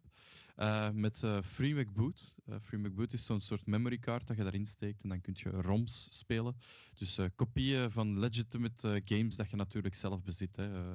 maar de, ik bezit alle games uiteraard en ik zou dan PlayStation 2 met alle games meenemen. Of, of een GTA San Andreas, dat ik op een of andere manier toch ook eindeloos kan blijven. Ik kan er nu nog naar teruggrijpen en nog steeds vind ik dat een leuke game. ik kan er gewoon niet van weggaan. Ik vind, ik vind dat zo. Dat was, dat was trouwens voor mij, gaat het, gaat het over uh, revelatiegames. Ik heb, ik heb dat zeker met de 64 gehad. Zeker omdat ik, ik ben van de Nintendo, de gewone Nintendo, eigenlijk meteen naar de Nintendo 64 gegaan. Ik heb alleen Super NES bij mijn neven gespeeld en eigenlijk nooit thuis gehad. En dan heb ik de Nintendo 64 wel thuis gehad.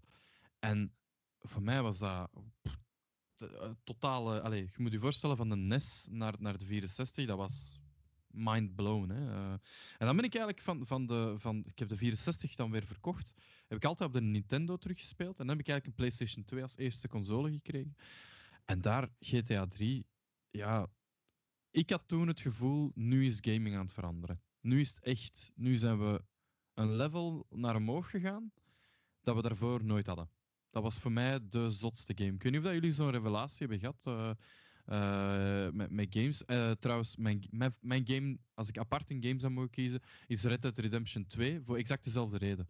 Omdat ik dat opnieuw en opnieuw en opnieuw en opnieuw en dan kun je een keer gaan vissen en dan kun je een keer gaan jagen en dan kun je een keer gewoon wandelen.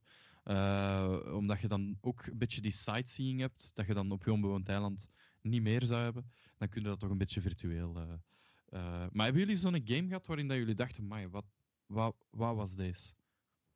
Jules, uh, misschien beginnen? Wel, ik... Um, zes jaar geleden had ik, had ik een, klein, een klein stukje film, een klein filmpje gezien van iemand die Elite Dangerous speelde.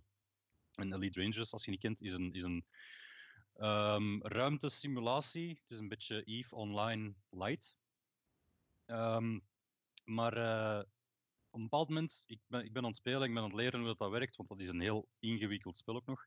En ik spring van de ene ster naar de andere. En ik doe mijn map open en ik wil zien waar ik ben. En ik ben beginnen uitscrollen en uitscrollen en uitscrollen en uitscrollen. En dat bleef maar komen. En er was zoveel dat ik kon ontdekken, dat ik kon gaan vinden. Dat ik dacht van, oké, okay, 4 biljoen sterrenstelsels in dat spel. 4 biljoen. je kunt ze allemaal gaan, gaan bezoeken. En elke keer als je één specifiek sterrenstelsel bezoekt, is dat ook hetzelfde. Het is, het is, het, het wordt, er wordt elke keer hetzelfde gegenereerd. Dus je kunt elke keer hetzelfde gaan zien. Ah, dus je kunt ook teruggaan naar sterren ja. dat je al bezocht Ja, ja dus dat was met No Man's Sky niet zeker. Je gaat, je gaat hetzelfde tegenkomen. Bij No Man's ah, Sky um, was dat wel, denk ik, want het, het universum was veel drastisch, drastisch kleiner.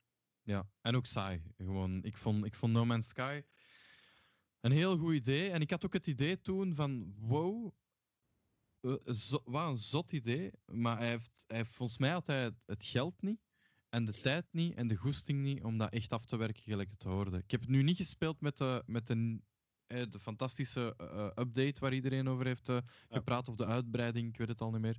Dus ik, ik kan er niet over meepraten. Maar ik snap wel waarom dat je zoiets kiest. Omdat dat wel ja, dat, iets, iets ja, technologisch ongelooflijk is eigenlijk. En, en, en heel dat spel is gewoon echt... Het raakte bij mij echt alle juiste snaren. Maar ik moet wel toegeven, er zijn dezelfde klachten als over No Man's Sky gekomen. Namelijk, dus, dus je kunt, je kunt wel gaan doen, maar het is allemaal niet... Allee, geen... geen, geen uh, ja, er wordt van gezegd mile wide but inch deep. Um, ja, dus alle activiteiten, er zijn keihard activiteiten dat je kunt gaan doen, maar er zit niet veel diepte aan al die activiteiten. Maar bij mij was dat wel, ik, ik kan er tegen van wel te grinden en, en ik kan er tegen van wel vaak dezelfde activiteiten doen. Maar gewoon omdat dat universum mij zo hard aansprak. En, en qua visuals en sounds zat dat echt juist. Uh, dat, dat, dat, blijft, dat blijft voor mij nog altijd het moment dat ik echt had van oké, games zijn nu echt wel naar de, de volgende, het volgende niveau gegaan. Ja. En jij Robin? Goh, um, de eerste keer was bij mij eigenlijk wel wat, um, wat verder terug in de tijd. Dat was bij Final Fantasy VII. Um, ehm, ja. Ik was altijd gewend van op de Nintendo of op de Super Nintendo. Super Nintendo hadden al wat uitgebreidere games waar, waar wat meer worldbuilding was en al. Maar toch Final Fantasy VII, alleen al qua uh, grafische stijl ook en de muziek wat in dat spel zat, dat klopte gewoon helemaal. En dan hadden daar eigenlijk nog een wereld achter steken waar dat je ja, uh, oneindig veel dingen kon, kon gaan onderzoeken. Je kon daar uh, chocobo's in kweken, je kon van alles. Dus dat was zo de eerste keer dat ik dat had. Maar het is pas echt gekomen met de opkomst van, um, van ja, de meer mainstream MMO's. Ehm, ik denk dan ook vooral aan uh, toen World of Warcraft die eerste maanden uit was. Allee, voor mij ging letterlijk een hele nieuwe wereld open. Want toen had je ook nog niet gelijk dat je tegenwoordig duizenden en één guides had waar dat alles in kapot gedocumenteerd was. Het was letterlijk, je kwam met duizenden en duizenden mensen ergens op een world server terecht. Niemand wist wat dat hem te goed moest doen. En het was, het was van punt A naar punt B rondcrossen en dan terug naar punt A, want je waren iets vergeten. En ook ja, gewoon dat sociale aspect. Je had daar ineens duizenden mensen die in dezelfde situatie als u zaten. En in het begin voor dungeons nog echt naar mensen gaan liggen zoeken in alle krochten van Azeroth. Tegenover tegenwoordig is de push button receive bacon. Dus allee, destijds dat was echt gewoon ja, een hele nieuwe wereld wat openging. En toen had ik echt iets van, ja, deze is gewoon de toekomst van gaming. Want zo'n open wereld waar dat je met meerdere mensen tegelijk online werd, het was in het verleden wel gedaan met EverQuest en, en weet ik veel wat, maar toch was World of Warcraft voor mij nog iets anders. Ja, dat, dat snap ik wel. En ik, ik denk dat een beetje alle drie uh, dezelfde verwondering van verloren lopen in een game. Ik denk dat dat bij alle drie een beetje de, de doorslaggevende factor is. Omdat daarvoor, gelijk in een, zelf in een oude Zelda of in Faxanadu, kon, kon je bijvoorbeeld ook wel verloren lopen, maar vrij eenvoudig toch wel terug je weg vinden. Terwijl in een, in, een, in een GTA 3 had ik toch voor de eerste keer zo van, ah, waar ben ik nu juist? Hoewel dat die wereld veel kleiner is dan, dan een World of mm. Warcraft, of, had ik, ja, zo waar ben ik nu juist? En ook, ja, gewoon dat, dat idee van, ik kan hier doen wat ik wil. Als ik nu dat wil doen, en ik wil uh, op een gebouw gaan, en oké, dat kon in GTA 3 niet, maar uh, en daarvan springen en, en, en uh, tegelijkertijd een raket lanceren, kon dat, GTA 3 nu niet, kon dat wel. World of Warcraft net hetzelfde. Ik, ik, als jij kiest van, ik ga hier niks levelen, ik ga hier gewoon rondlopen, heel de tijd, dan kon dat. Als jij zegt van, ah, ik wil me nu focussen daarop, kon dat. Als ik mijn, en, en, en dan, ja, sandbox. Ik denk dat de komst van, van echte sandbox, dat dat, voor, dat, dat drie keer uh, best wel, best wel de, de, ja, de doorslaggevende factor is. Wat ons naadloos brengt bij mijn volgende onderwerp uh, in de Corona Confessions. Uh, ik wil het hebben over gamen. We zijn het al heel tijd over gamen aan het hebben. Maar ik, ik ben terug enorm veel aan het gamen. En ik denk dat ik al niet meer zoveel gegamed heb sinds ik een tiener was. Echt waar. Ik, met, met ik zit thuis, dus ik, ik ben technisch werkloos. Uh, en ik, ik speel ongelooflijk veel games. Ik heb letterlijk dagen gehad dat ik, dat ik opsta, ontbijt uh, met mijn vriendin. Dat ik dan naar mijn computer ga, dat ik begin te gamen en dan merk van, oh fuck, het is 7 uur s'avonds. En dat heb ik echt al heel lang niet meer gehad, omdat ik er gewoon geen tijd voor vind meestal. Of ik moet al speciaal een dag gepland hebben van oké, die een dag ga ik gamen van zo laat tot zo laat. Maar nu gebeurt dat gewoon zoals vroeger in uw kamer per ongeluk. Ik weet niet of dat jullie dat, dat ervaren. Uh, of of zit, wie werkt er eigenlijk nog van jullie twee? Uh, of zijn jullie ook uh, technisch werkloos geschreven? Ik ben ja, technisch werkloos. Ja, nee, ja. Ik, ik werk momenteel nog. Ik heb als IT'er de luxe dat ik letterlijk overal kan werken. Dus kan werken. Ik, heb, ik, ik heb nog de chance dat ik kan werken, want allee, heel veel mensen zien het nu als, als vakantie, maar dan mogen we toch ook niet uit het oog verliezen dat je ook blij mocht zijn dat je nog mocht werken en eigenlijk het recht niet hebt van erover te klagen dat je nog aan het werk kunt zijn. En zeker niet als het vanuit je eigen huis en tuin is dat je het risico niet hebt van uh, onder de mensen te moeten komen. Dus. Ja, maar ik, ik, kan me er wel bij vinden, want het is nu een beetje als mijn uh, werkdag ten einde is, heb ik uh, terug het gevoel, gelijk vroeger op school, van alles aan de kant en gewoon consolen op en je kunt kassen tot s'morgens bij wijze van spreken. En, allee, toch je, ja, je moet, je moet niet meer in de file staan s'morgens of, uh, of op kantoor uh, verschijnen en dat mensen je aanspreken dat je eruit ziet gelijk een zombie. Want ja, je zit toch in je eigen kot. Dus. Nee, dat is zo. Dat is zo. Ik, ik, en ik denk eerlijk gezegd dat er, dat er toch ook wel een, positief uh, iets aan is, aan, aan het feit dat we allemaal een keer thuis zitten. Um, ik, heb, ik heb het gevoel dat, dat de gaspedaal eindelijk eens een klein beetje loslaat voor iedereen. En dat we, dat we eens een paar versnellingen minder aan het leven zijn. Uh, en ik denk dat dat voor iedereen wel, wel een keer nodig was, sowieso. Uh, en inderdaad, ik zou, ik zou ook graag terugwerken, maar er is gewoon geen werk voor mij. Dus dat is, dat is een beetje een probleem. Ja, voor u, Jules, is dat natuurlijk wel ja, onmogelijk om van thuis uit te werken. Je kunt jij wel een beetje ja, dat doen, maar ja, ik kan hier, ik kan hier thuis een uh, theatervoorstelling uh, op, op, op, opvoeren, maar ja, er gaat niemand die zien. Hè. Dus.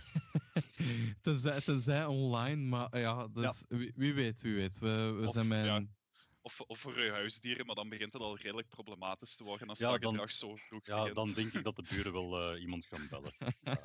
dat denk ik ook.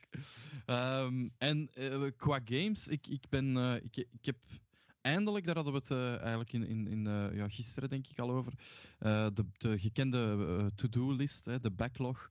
Eh, ik, ik, ik speel enorm veel Fortnite. Ik weet dat dat een beetje een kids game is, maar ik, ik, ik speel dat heel graag voor een of andere reden. Ehm, maar ik ben eindelijk aan Far Cry 5 begonnen. Eh, en die zat al zo lang op mijn lijstje. Maar ik, ik, heb, uh, ik heb die gekregen van Ubisoft. samen met Assassin's Creed. Sorry, Ubisoft, ik weet niet meer de welke. en, en nog iets. En ik ben, ben aan die Far Cry 5 begonnen. En tot nu toe, ik heb er heel weinig van gespeeld ongelooflijke game. Ik, er, is, er is zoveel gebabbeld, uh, over gebabbeld geweest bij, bij, bij het begin eigenlijk, uh, als, ik het me, als ik het me goed herinner. Uh, maar, maar nu wordt er toch weinig over gepraat eigenlijk, wat ik, wat ik niet zo goed begrijp. dat mensen dat eigenlijk niet meer spelen. ik, ik wil trouwens even, het kan zijn dat ik deze eruit niet... Staat mijn micro heel luid bij jullie of valt dat mee? Dat valt goed mee voor mij. Je zei duidelijk. Ja, Oké. Het is, het is luid en duidelijk, maar het is niet te luid. Oké, dat is gewoon in, in mijn. Uh, in, uh, in Logic komt het keihard binnen. Maar ik heb het al helemaal stil gezet, dus het is, dat is opgelost. Oké, nu ga ik uh, verder praten. Um, ja, het gaat gepaard met technische problemen. Hè. Nee, dus die Far Cry 5, ik, heb, ik heb niet de indruk dat mensen daar nog echt aan het spelen zijn, terwijl ik dat echt waanzinnig vind. wat heb ik nog gespeeld? Hearthstone, herontdekt. Uh, ik, speelde Magic uh, online, uh, de, de Magic Arena, dat heb ik een beetje achtergelaten. omdat het geeft mij niet hetzelfde gevoel als, als echt Magic spelen. de Gathering mankeert er een klein beetje aan, zal ik maar zeggen. Het is, het is Magic, maar zonder Gathering. En voor mij vind ik dat sociale aspect van Magic spelen veel belangrijker, terwijl ik dat bij Hearthstone dan weer niet heb. En super veel retro gaming. Ik heb, uh, ik heb een, een, een arcadekast staan. Ik kan, ik kan hem even laten zien, denk ik. Er staat van alle brol op, maar dus dat is mijn arcadekast. Uh, daar, daar speel ik nu ook, uh, ook veel meer terug op. Maar ook, ik zei het al ervoor, PlayStation 2 heb ik The Warriors herontdekt van, van, van Rockstar, de adaptatie van de film. Ja, ja ik, ik was die volledig vergeten. eigenlijk echt een, een hele goede adaptatie van die film. Uh, heeft ik heb de Warriors ook teruggezien dan, die film. Eigenlijk heel goed voor die tijd. Uh, op de uh, Nintendo 64 ben ik Zelda weer aan het uitspelen. Ik ben heel veel Super Mario 2 speedruns aan het, aan het proberen. Super lange sessies op de arcade. Ik heb, ik heb duistere games ontdekt van mensen die thuis een arcade hebben of MAME hebben.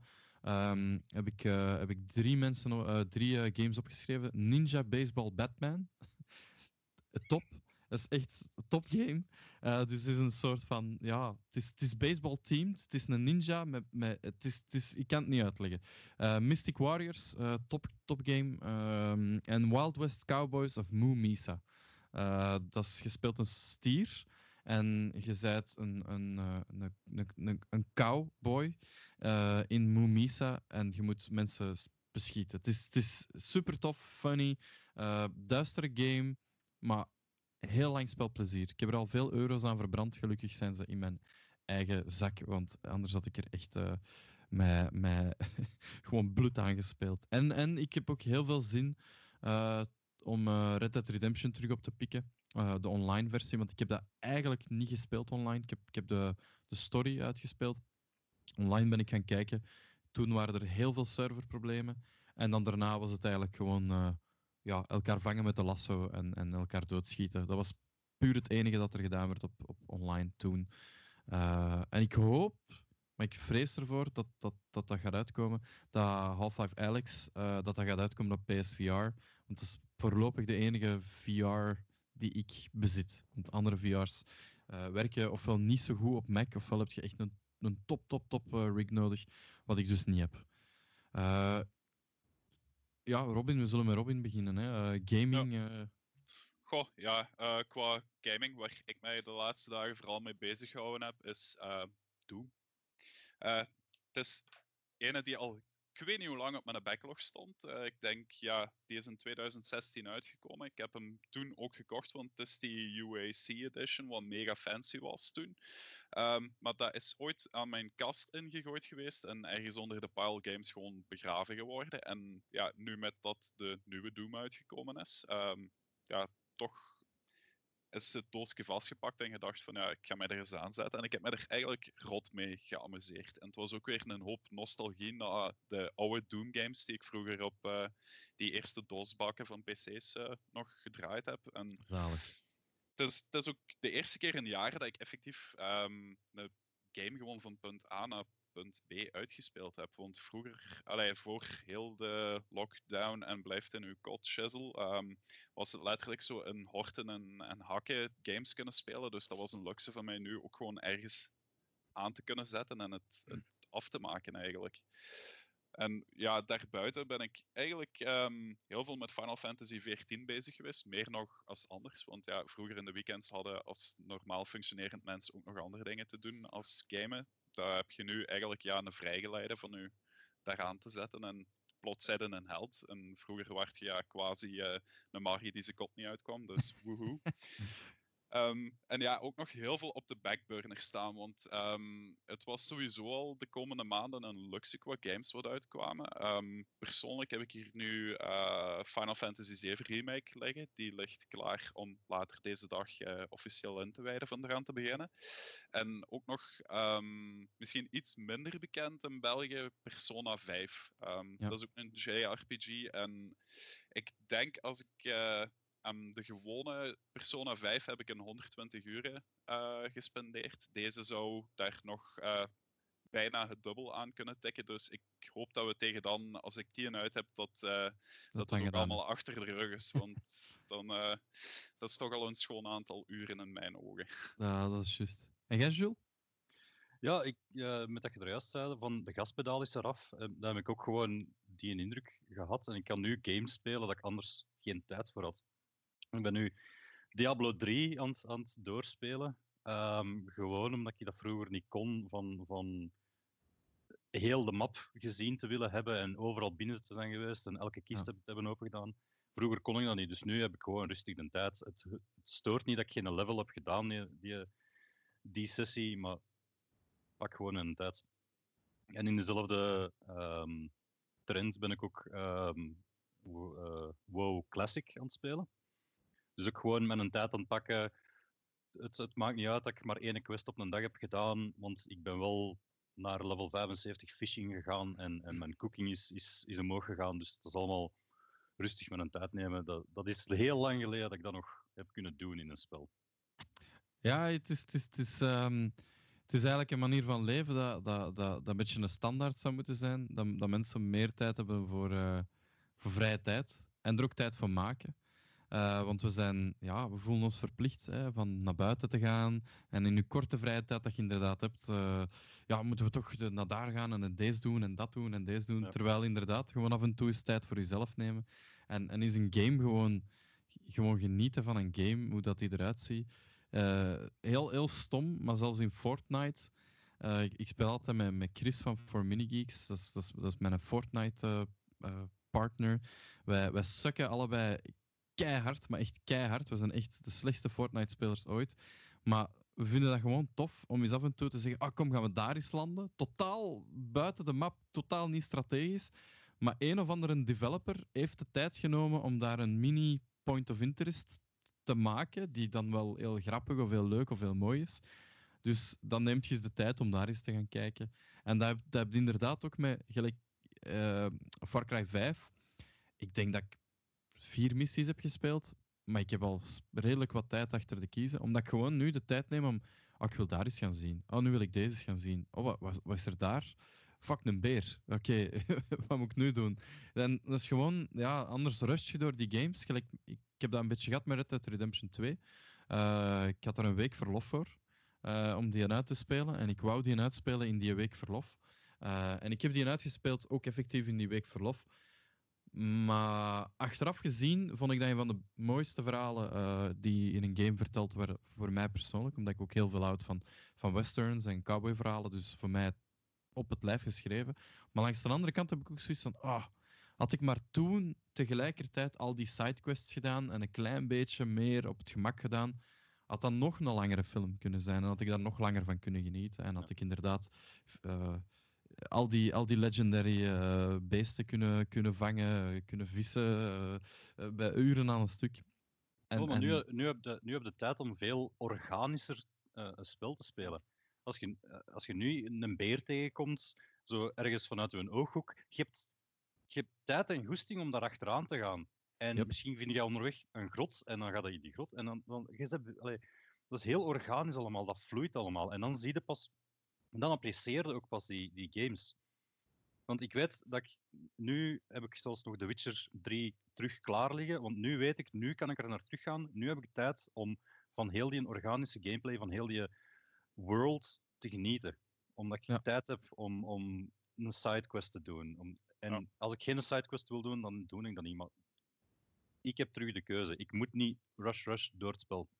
Ja, klopt. Nee. Ja, dat is... Da- daarom eh, dat ik ze nu ook op, eh, op mijn PC teruggezet heb. Want ik had The Witcher 3 initieel voor PlayStation. Maar ja, recent eh, de luxe gehad van nog eens een PC-upgrade te kunnen doen. Dus nu heb ik ook zoiets. ehm, je hebt echt de tijd voor in een spel gewoon rond te wandelen en ervan te genieten. Want dat was een van de redenen dat ik The Witcher 3 initieel aan de kant gegooid had. Ehm, gewoon van alleen al, ik was gewend van een Dark Souls of Bloodborne van punt A naar punt B te gaan, volgende Lantern of Bonfire, daar een baas af te slachten en je loopt er gewoon door en je mist eigenlijk heel het kwalitatieve van een spel, want je bent zo gefocust op van ik heb vandaag een uurtje, morgen een half uurtje met, met werk, met sociale verplichtingen. En nu, ja, dat valt voor het grootste stuk weg. Dus eh, je kunt gewoon zeggen van ik ga back to basics, ik hou mij met mijn hobby's bezig, want allee, ja, wat, wat moet ik anders doen? Ja. En dat is een van de positieve neveneffecten van heel dit verhaal in mijn ogen. Ja, ik denk dat dat ons een, eh, allee, hopelijk een beetje gaat bijblijven. En, en inderdaad, de, de, de workpace en de, de, de life pace eh, vooral ook een beetje gaat vertragen, want die, die zat er een beetje te snel. Ehm, dan, verder in de Corona Confessions, eh, zijn er films, series, boeken die jullie herbekeken hebben of bekeken hebben? Ja, we hebben al een beetje erover gepraat, over gaming dan. Eh, positief effect hebben we net eh, over gehad, was ook een van de dingen die ik, die ik dus wou, bespreken. En hebben jullie ook speciale lockdown-series of films gekeken? Denk bijvoorbeeld 28 Days Later of The, The Walking Dead, zoals veel mensen aan het doen zijn. Eh, en wat zijn de plannen voor de komende weken? Is er, eh, is er nog iets eh, dat jullie gepland hebben? Of, of dat jullie zeggen van, ah, dat wil ik zeker nog doen? Over gaming hebben we het al een beetje gehad, maar misschien over series of, of hobby's dat jullie terug willen oppikken of, of wat dan ook. Ik zal beginnen met Robin zal, voor de verandering. Ehm, eh, series echt zo in het thema van, van zombie apocalypse of virus outbreaks heb ik niet echt iets gepland staan. Ehm, momenteel ben ik vooral terug bezig met eh, Community te kijken. Dat is sinds afgelopen week op, ehm, op Netflix gekomen en dat is toch wel een van de series van een rewatch waard is in mijn ogen. Ehm, daarnaast ben ik ook eh, Tiger King aan het kijken. Daar, dat is nog zo een van die fenomenen waar dat je niet langs kunt. eh, Joe Exotic en Carol Baskin. Dus dat. Maar meer in het thema van corona. ehm, ja, Kingdom eh, op Netflix. Dat is een Aziatische serie over ehm, ja, eigenlijk een zombie-outbreak ergens buiten middeleeuws als Azië. Dus dat staat zeker nog op het programma. Oké. En jij, Jules? Ehm, ja, qua series eigenlijk niet echt speciaal. Ik ben wel terug eh, Parks and Recreation beginnen doorkijken. Dat is ook zo weer een van de Ik dingen ook. waar ik om, om de zoveel jaar kom ik daar gewoon op terug naar van oké, terug aflevering 1 en start. Ehm, plus ik kijk ook veel op mijn tweede monitor, terwijl ik op, mijn, eh, op een andere monitor aan het gamen ben. Dus dat, echt actief kijken doe ik niet veel meer naar series. Ehm de Tiger King ook eh, gekeken, ook fantastisch mee geamuseerd. Dat, dat, begint met, dat begint met what the fuck en dat blijft gaan. Dat blijft gewoon komen. Ehm, Ja, het is echt de, de gift that keeps on giving op, op dit moment. Ja. Eh, voor, de, voor de mensen die dat, die dat niet kennen, eh, ik heb het nog niet gezien, maar Tiger King is volgens mij gebaseerd op, op waar gebeurde feiten, ben niet, ben niet 100% zeker. Het is, Over, het is een eh, documentaire. het is een documentaire. Ah, het is een Ja. documentaire, ja. Want ze willen, ze willen er ook een film van maken, zeker, hè? Eh, want Joe Exotic zei, ik wil gespeeld worden door Brad Pitt. Of, eh, of wat was het weer? Dat is echt hilarisch. Maar dus het is, het is een soort eh, documentaire over, een, een, over Joe Exotic, die ja, Big Cats bijhoudt. Als ik, het, als ik, het- ik heb het nog niet gezien, hè. Maar als ik het goed voor heb, is dat, dat is toch, hè? Dat is, de, dat is Ja, plot. is Joe Exotic is een, een, een, een, een tijgerfokker eigenlijk, om het, om het juist te gebruiken. Maar hij is ondertussen ook nog, hij heeft een zo waar dat hem, eh, die dat hem uitbaat. Hij is ondertussen nog, ook nog countryzanger en zijn nummers zijn absoluut fantastisch. Absoluut fantastisch. Eh, en dan heeft hij nog een rivaliteit met eh, een, een, een dame die een, ehm, een, een rescue center voor Big Cats runt.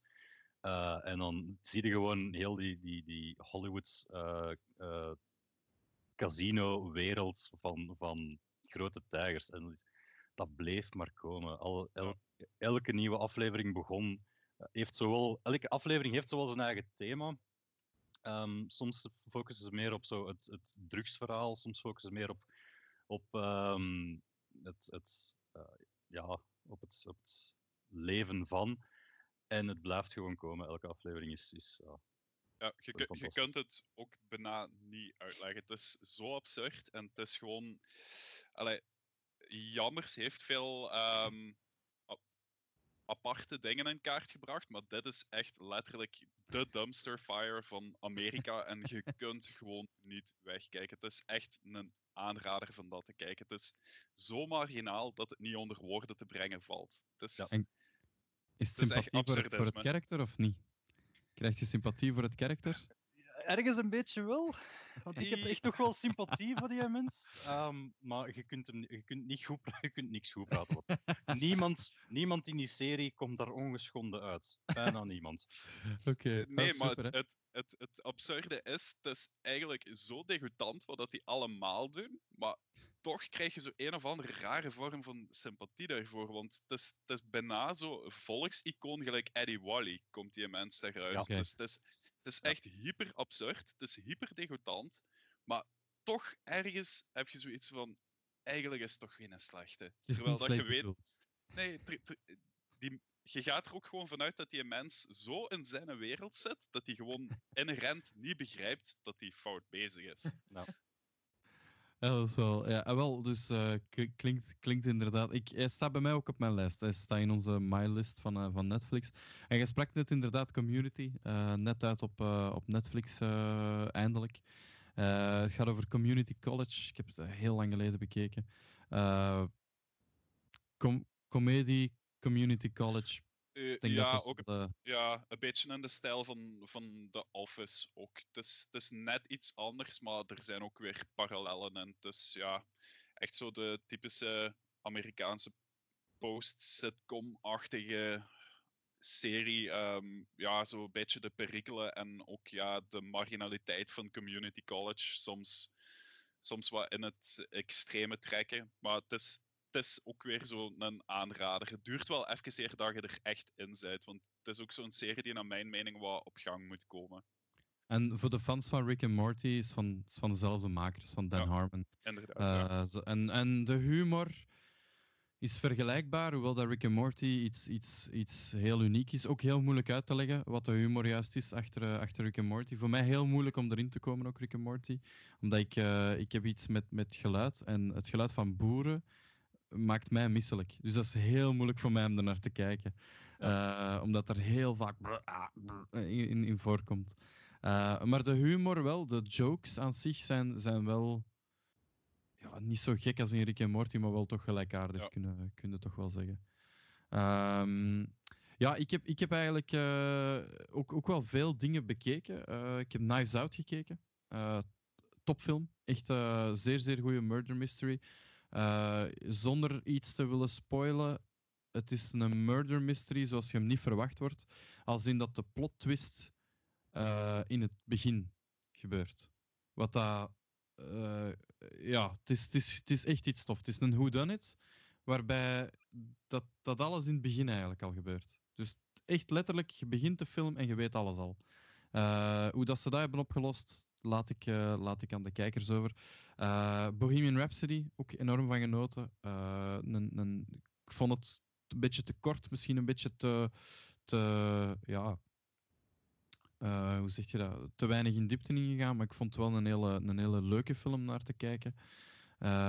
En dan, ik, ik, heb, ik heb heel veel nostalgische trips, net als bij gaming. Ben ik, ben ik op een of andere manier, omdat net, net voor wat dat je zei, uh, Robin, daar straks, dat je het gevoel hebt van. Ah, het, is, het is gelijk vroeger zo. Ja, whatever, ik zit hier toch maar thuis. Ik heb eigenlijk minder verplichtingen dan anders. Fuck it, ik, ik, ik voel mij terug 14 jaar of zo, of 16, waarin dat eigenlijk niks moest.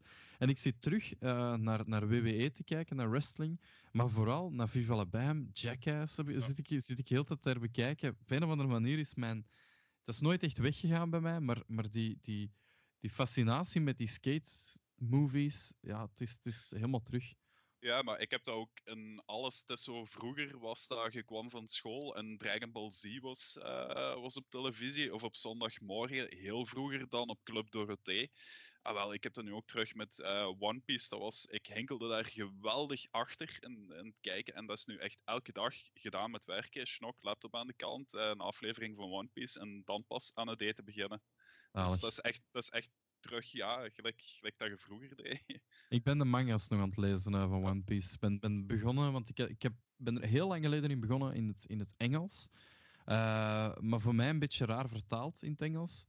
Dus ik ben ze in het Frans aan het lezen, omdat ja, ik, ik kan goed Frans. Ik heb ook altijd Franse manga's gelezen en, en Franse anime gekeken.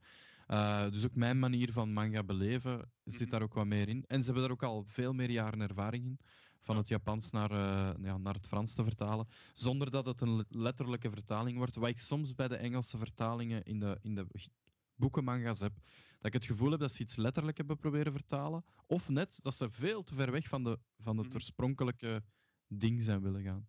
Uh, dus dat, dat, dat, ja, dat, dat ben ik ook wel terug aan het lezen. Uh, Jules, jij, jij, jij, wilt nog iets zeggen, denk ik. Uh, wat, wat zeg jij nu aan het herbekijken? Of aan het wel, ik, kijken? Ik, ik, heb er, ik heb er juist even mijn Netflix terug opengegooid om zo uh, mezelf eraan te doen denken van wat ik allemaal gekeken heb. En ik heb ongelooflijk veel Star Trek liggen kijken. Ah ja, zalig. De oude ja. series, zo de, de Voyager, ik ben nu in Deep Space Nine aan, aan het kijken en, en The Next Generation staat eigenlijk... Um, mijn favoriet. Als, als volgende op, op de menu. Wel, ik, was, ik was net. Uh, ik heb die net gemist eigenlijk, de Next Generation, toen dat die uitkwamen. Dus mijn eerste Star Trek was Voyager. Uh, ah ja. ja dat, dat, dat, was ook gewoon zo, ja. Dat was vroeger bij mij op kanaal 2. Dat was, uh, kanaal 2 was, had vroeger, toen ik van school thuis kwam, had alles wat ik moest stemmen. Daar was mijn Dragon Ball Z, daar was mijn Pokémon, daar was mijn um, Star Trek, daar was mijn Stargate. daar kon ik zo twee uur naar kijken en dan had ik al mijn series gehad. Pokémon was op VT4. Ja, was op VT4, dat was op VT4, ja. ja. ja. en het, het goede was, VT4 bij iedereen zette die op 4. En ik denk bij de meeste mensen was kanaal 2 ofwel op 2 ofwel op 6. Dus je kon zo heel snel zappen. Dat zat niet in de 10, 15, ja. 20 of zo, gelijk dat je nu hebt. En inderdaad, dat was ook mijn, mijn typische schoolnamiddag. Uh, Pokémon, uh, Fresh Prince of Bel-Air, uh, Star Trek, wat had je nog? Oh, ik heb Family Matters ook heel veel gekeken. Maar Fresh Prince is, is voor mij ook... Dat is ook iets dat, dat ik trouwens niet zo lang geleden, dankzij, denk, dankzij Netflix, ook helemaal terug heb uitgekeken. ik heb dat gebinged. Overal, op de bus, tijdens mijn middagpauze, s'avonds. man, ik vind dat... Dat is een tijdloos... Het heeft soms heel raar geaged, maar op de meeste manieren is dat tijdloos. Ik vind dat, ik vind dat heel veel uit onze tijd, zal ik maar zeggen. Ik denk dat we allemaal ongeveer dezelfde leeftijd zijn. Uh, heel veel uit onze tijd is, is, is tijdloos. En ik weet dat veel mensen dat over hun tijd zeggen. Want onze, onze grootouders zeggen dat ook altijd, in mijn tijd. Maar ik, ik 90s, man. Ik, er, is, er, is, er zijn zo goede dingen in de 90s gemaakt. In de 80s ook, maar in de 90s ook zijn Echt, echt heel, heel coole dingen weet niet of, of dat jullie daar uh, hetzelfde over denken, of dat er zo'n 90s uh, serie uh, is dat, dat zomaar oppopt. Goh ja, ook Star Trek en zeker de Next Generation, dat is nu niet typerend 90s, maar dat was wel iets wat ik ja, gedurende de jaren 90 ook veel gekeken heb, dus dat ook sowieso. Um, nog een strong contender is um, ja, de originele A-team. Dat is ook ja, 80s, 90s, denk ik.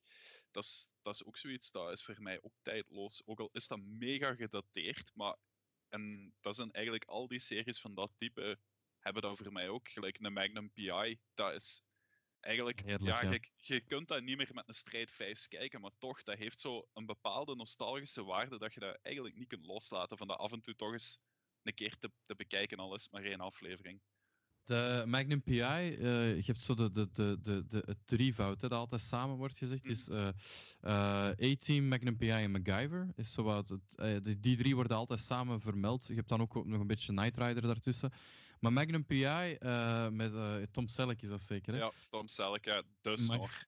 my favorite mustache in the world. Ik, echt, ik, ik, dat is zo flauw, die serie, maar ik heb dat kapot gekeken als ik jong was. En ik begreep waarschijnlijk de helft niet, want dat is echt iets van toen dat ik denk vijf, zes jaar was, eh, dat dat op tv kwam. Maar ik, ik kon niet stoppen met dat die gast met zijn bloemenhemd te kijken. Ik vond dat, ik vond dat ongelooflijk. Ik vond dat de top badass. Echt, ik vind Ja. dat eigenlijk nu nog altijd.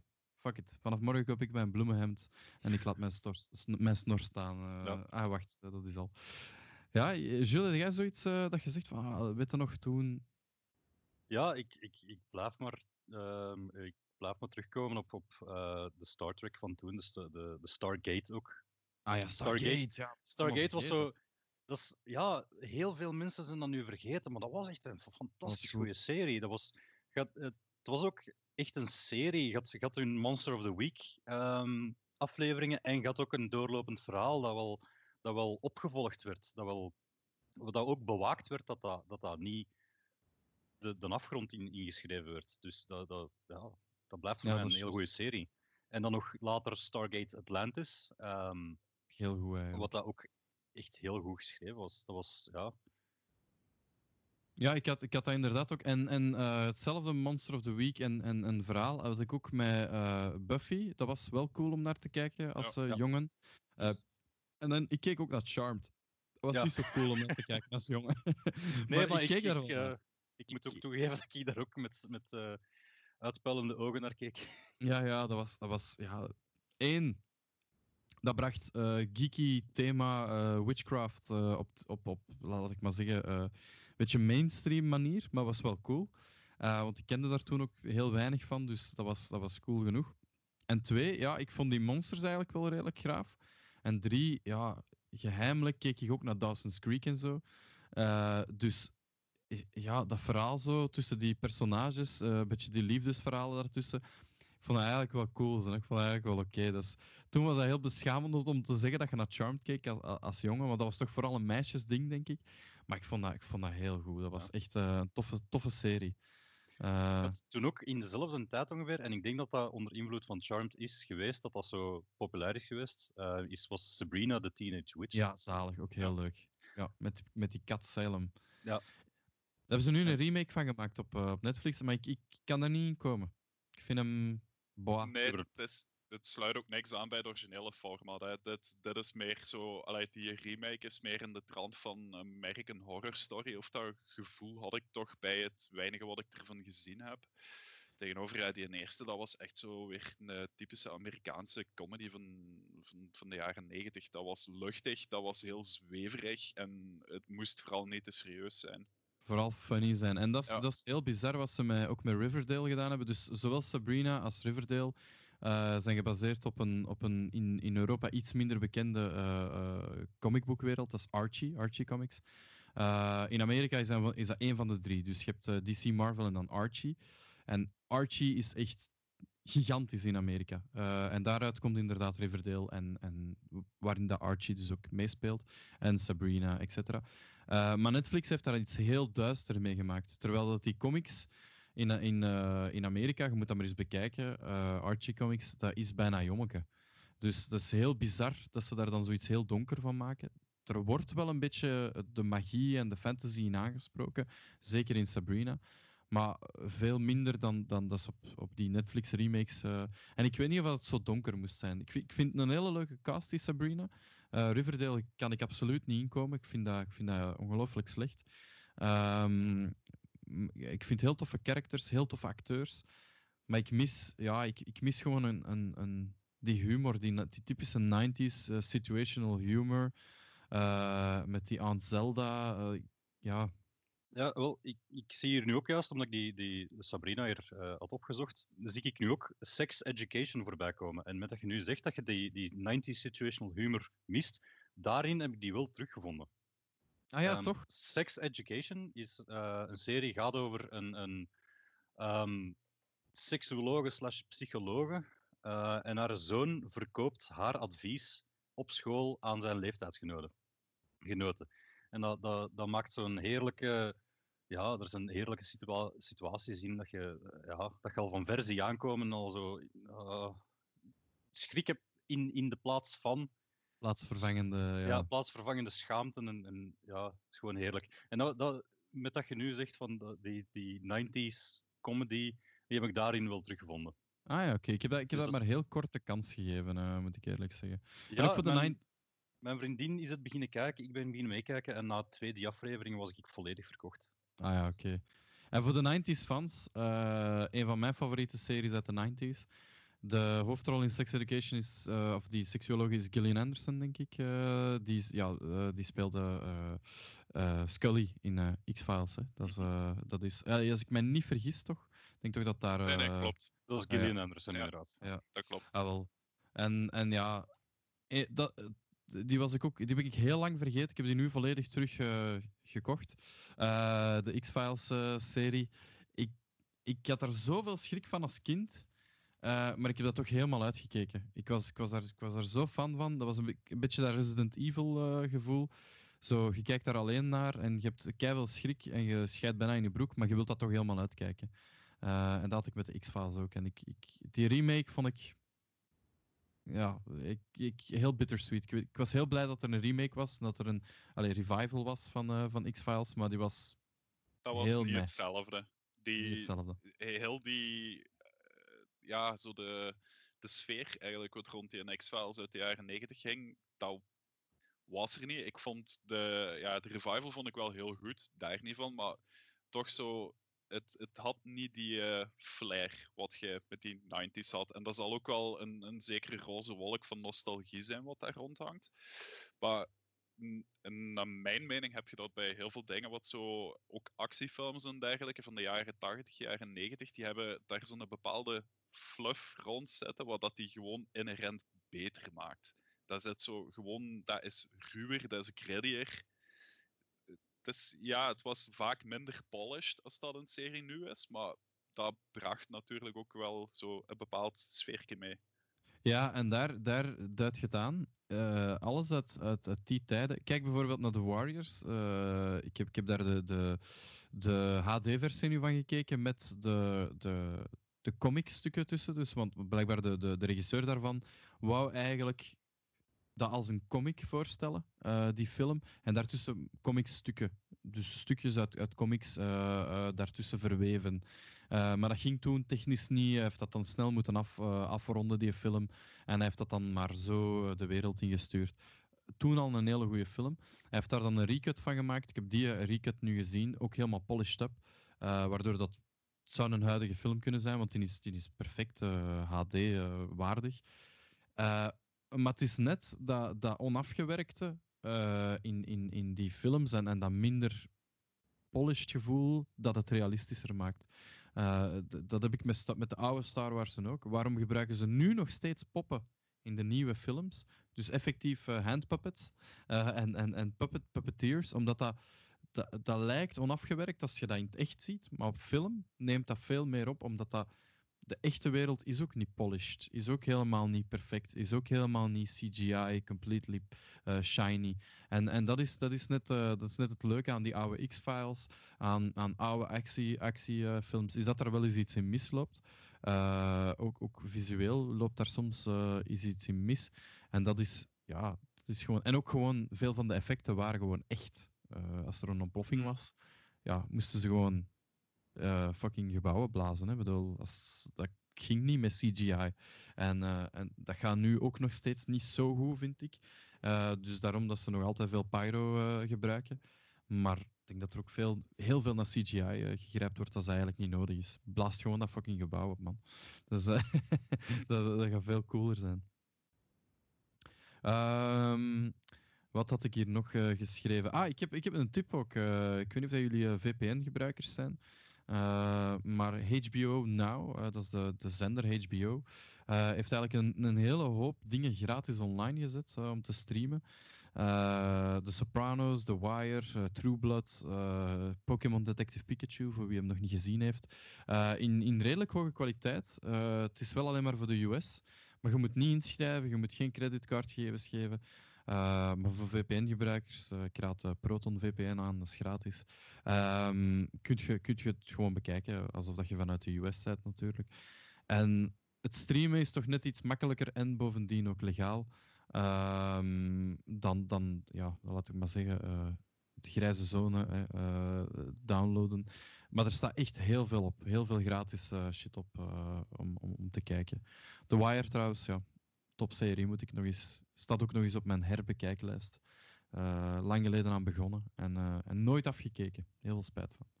Uh, ja, hebben jullie zo nog een tip voor, voor de mensen die thuis ook in, in, in lockdown zitten? Van kijk, we hebben al heel veel tips gegeven, maar als er zoiets een tip is dat je, dat je nu bedenkt van oh, dat, dat zouden we toch eens moeten herbekijken. Goh, misschien qua anime, um, wat mensen wel eens zeker een kans moeten geven. Ik ben nu de light novels ervan aan het lezen, is um, Log Horizon. Uh, om het een beetje te kaderen, ja, het is, het zo type isekai à la Sword Art Online, maar naar mijn mening um, veel betere worldbuilding. Um, ook, ja, er komt van alles bij kijken, geopolitiek, uh, uh, de IT-magic kant achter games. Waarom is dat een aanrader van het nu te bekijken? Um, mensen die het kennen, het heeft een hele historiek gehad, uh, die serie. De schrijver ervan is ook in opspraak gekomen in Japan voor belastingsfraude en al. Dus dat heeft jaren op zijn zij gelegen. Um, maar in oktober gaan ze na zes jaar, geloof ik, het, uh, het derde seizoen beginnen eieren. Dus nu is het eigenlijk wel de ideale catch-up kans voor daar aan te beginnen. Um, qua gewone series, um, dan kijk ik vooral naar wat ik zelf opnieuw ben beginnen kijken. Ook weer uh, Star Trek The Next Generation, uh, Community en uh, The Office US. Die ben ik ook ja. aan het bekijken. Ja, dus zalig, hè, The Office ja. US. Ik, ik vind hem soms zelfs beter dan de, dan de UK. Omdat UK, allee, de, de oorspronkelijke, is heel droog soms. Waarin dat, dat The Office US ook die, ja, diezelfde droogte, maar niet die Britse droogte uh, heeft. En, en ik vind dat het sarcasme uit de US soms heel gelijkend is op het, op het Belgisch sarcasme. Uh, terwijl het Brits sarcasme heel vaak heel, ja, nog iets, iets, iets sekker is. Uh, niet donkerder, helemaal niet, want wij hebben ook een heel donker sarcasme ja. in, in België en ook een heel absurde, absurde humor. Maar ja, ik vind, ik vind allebei wel topseries eigenlijk. En jij, ja, Jules? Ik... Of ja, zeg maar, Robin ja, als ik nog even kan aansluiten, uh, de Office UK, daar ben ik eigenlijk nooit zo in kunnen raken. Hoewel dat ik wel een grote fan ben van, van Britse comedy, à la uh, Blackadder, Young Ones. Um, maar ik, ik weet het niet. Ik vind de, de Office UK, het is, het is mij zo één stapje te ver nog. En inderdaad, ja, die, de Office US, dat sluit echt perfect aan bij, bij ons manier van cynisme en sarcasme. Dat is zo over de top dat het heerlijk is. Van, uh, van Britse uh, comedy gesproken. Uh, een serie die, die, die, die ik ook heel vaak herbekijk, maar die op een of andere manier toch niet zo bekend is bij het grote publiek, zal ik dan zeggen. Ik denk dat jullie het wel zullen kennen, is Black Books. dat, is, dat is gewoon keigoed. Dat is met Dylan Moran, als ik, mijn naam, als ik zijn naam goed herinner. Het gaat eigenlijk over, over een, een, een kerel die, uh, die een, een, boekenwinkel heeft. Uh, hij is uh, een, een, een, kettingroker, een, een alcoholieker, kunnen we misschien zelf zeggen. hij is volledig, ik denk, for lack of a better word, verfomfight. Ik vind, ik vind dat een goed woord om hem te beschrijven. Ja.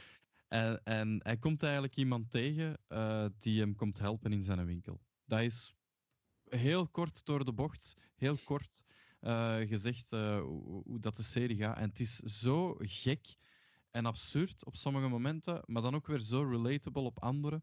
Uh, het draait ook niet rond bijster veel characters. Je hebt nog een, de buurvrouw die er ook bij zit, die ook een winkeltje heeft met, met shit waarvan dat ze soms niet weet wat het is. het is, het is, het is, het is ik denk dan aan die, aan die bol dat ze op een moment brengt van ik weet niet wat dat is. Um, het is het is kei, kei goed. Eh, ook, ook, ja, het is, het is heel kort. eh, dus als, als je het nu wilt herbekijken, ik denk dat het twee seizoenen is. Ik ben het aan, het- opzoeken. Ehm, twee seizoenen, nee, drie seizoenen. Eh, Bill Bailey zit erin. Dat alleen al vind ik, vind ik een goede reden om, om, om, om te kijken. Dylan Moran zit erin. en, en dan de, de vrouw is Tamsin Greig, die we ook kennen van. ehm, ik kan er niet opkomen, de serie met Matt LeBlanc. eh, episodes. Top, trouwens, een, hele goede aanrader. Eh, episodes gaat over eh, twee schrijvers, die, eh, dus twee Britse schrijvers die naar Amerika verhuizen om daar een productie te doen. En dat is met Matt LeBlanc, die Matt LeBlanc speelt. Dus die speelt zichzelf, maar dan een beetje een satirische versie van, van zichzelf, waarin dat hij echt een, een asshole is. En dat is heel goede comedy. Heel, heel goede comedy. Echt, echt heel grappig. Eh, ja, ik denk dat dat was wat ik nog wou aanraden. Ja, Jules, had jij eh, zo wat... Ja, ik heb ehm, toch één aanrader. Allee, qua series en games en films hebben we al, veel besproken, maar voor degenen die graag eens ehm, wat, wat eh, lezen, ehm, zou ik de, de SCP-wiki aanraden. Nu, de. SCP-wiki, dat is, ehm, SCP staat voor Secure, Contain, Protect. En de SCP-wiki leest eigenlijk als een, als een hoop eh, casefiles van een, een, een, een organisatie die zich bezighoudt met het onderdrukken van het paranormale. Ehm, dat, zijn, dat is officieel het grootste ehm,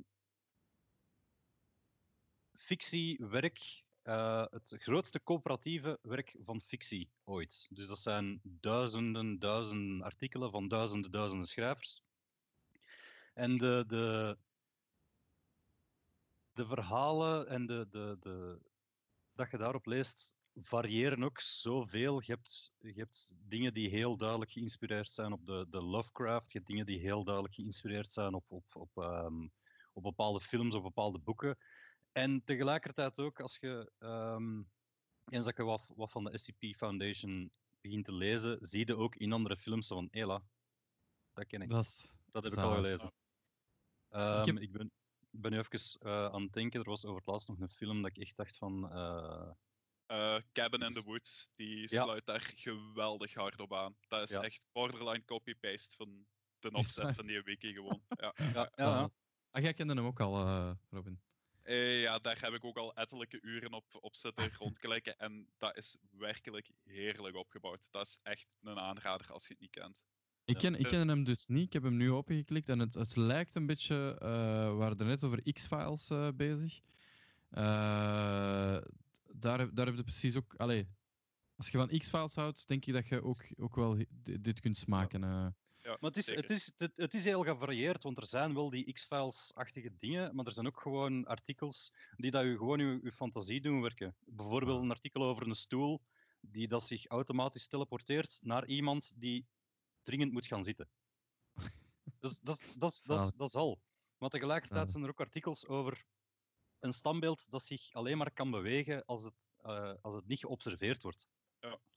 Dat is, dat is een van de grotere mindfucks Ja. op die wiki. Ehm, en er zijn ook zo van die wiki-pages die u nog verder doorlinken naar andere pages. En eh, eh, er zit ook bijna met momenten een gamification element in. Want het gaat u ook echt doorverwijzen naar andere bronnen. En ze halen daar zelfs zo van die precies government official papieren bij. Het is, het is mega uitgebreid. Het is een fair warning ook wel. Het is lang niet allemaal even kwalitatief wat dat erop staat. Met momenten gaat dan op zo'n page uitkomen dat je zoiets hebt van, oh, oké, ja, oh, was het? Ja. Maar de hoeveelheid dat er is, daar zit je echt eh, niet uren, maar dagen mee bezig met dat volledig uit te spitten. En er zijn voldoende artikels dat je ook, ehm, als je echt wilt, wilt griezelen, dat je ook gewoon s'avonds niet meer kunt, kunt van gaan slapen. Want dat is, daar, sommige artikels zijn echt van die horror dat in je kop blijven zitten. Waar dat je niet van schrikt, maar waar die dat in je kop blijven rondspoken en waar dat je s'nachts van denkt van, ik wil een lichtje aan doen. ik, heb zo, ik heb zo eh, Reddit eh, slash creepy, eh, r creepy, heb ik, heb ik moeten afzetten. Eh, daar zaten verhalen op, eh, zoals van, uh, hoe heet dat weer, die een dokter zo gezegd. Uh, Dr. Harper, denk ik, is dat. Da, da, daar raad ik ook wel mensen aan. Als je graag zo van die shit leest. Dr. Harper is, is, is een user, zo gezegd, op, op, op Reddit. hij heet ook Dr. Harper. En het gaat ook over Dr. Harper in zijn verhalen. over, ja, hij is therapist en, en um, hij schrijft ook alsof het echt is. Alsof het een Ask Me Anything is of, of een I Am A, uh, voor wie dat Reddit uh, kent. En uh, hij schrijft bijvoorbeeld, ik heb, ik heb hier een van zijn dingen, I'm a therapist and my patient is begging me to take them off life support. en en het klinkt gewoon dramatisch, maar het gaat echt naar mindfuck creepy. En uh, gaat het dan over die standbeelden waar, eh, die alleen maar kunnen bewegen als ze niet aangekeken worden? Ik denk dan direct aan Doctor Who. Ja, dus je, ziet dat, je ziet dat er, dat er, dat is trouwens, uh, dat standbeeld um, is trouwens de originele SCP. Um, ah, ja. Ehm, artikel dat ooit is op, op um, op uh, 4chan is tevoorschijn gekomen. Gewoon heel sec. Van hier is een foto van een standbeeld. En, dan kan alleen, en er werd heel sec een tekstje over geschreven van um, zo houden die um, onder controle en zo wordt die opgesloten en zo wordt daar uh, voor het onderhoud gezorgd. En dit is een standbeeld en dat, is, dat kan zich alleen maar voortbewegen. Uh, en heel droog geschreven, heel technisch geschreven, alsof dat het echt een, een, een wiki. Een werkdocument is van een, in, een intern werkdocument van een organisatie die zich daarmee moet bezighouden. Zalig. Ja, en af en, ja, af en toe komt ook zo eens heel originele dingen tegen. Want er zijn bijvoorbeeld um, artikels en die hebben het bijvoorbeeld heel vaak over um, memetische um, SCP's. Ja, dat zeg dus ik net. Uh... Dingen die bijvoorbeeld alleen maar gevaarlijk zijn als je ervan weet. En dat is, dat is zo'n mindfuck. Dat begint dus zo, ja, bijvoorbeeld. Um, er is een artikel dat, dat beschrijft hoe dat het uh, de dood in elkaar steekt. Er is een artikel dat beschrijft hoe dat. Allee, er, zijn, er zijn bijvoorbeeld artikels en die beginnen met een waarschuwing van hey, als je nu verder leest, is het te laat. En ja, dan, dan zijn de nieuwsgierig en, en dan merkte ook wel van oké, die waarschuwing had wel iets. Ik wou, ik wou eigenlijk liever deze niet gelezen hebben. Ik wou eigenlijk liever deze niet, niet geweten hebben.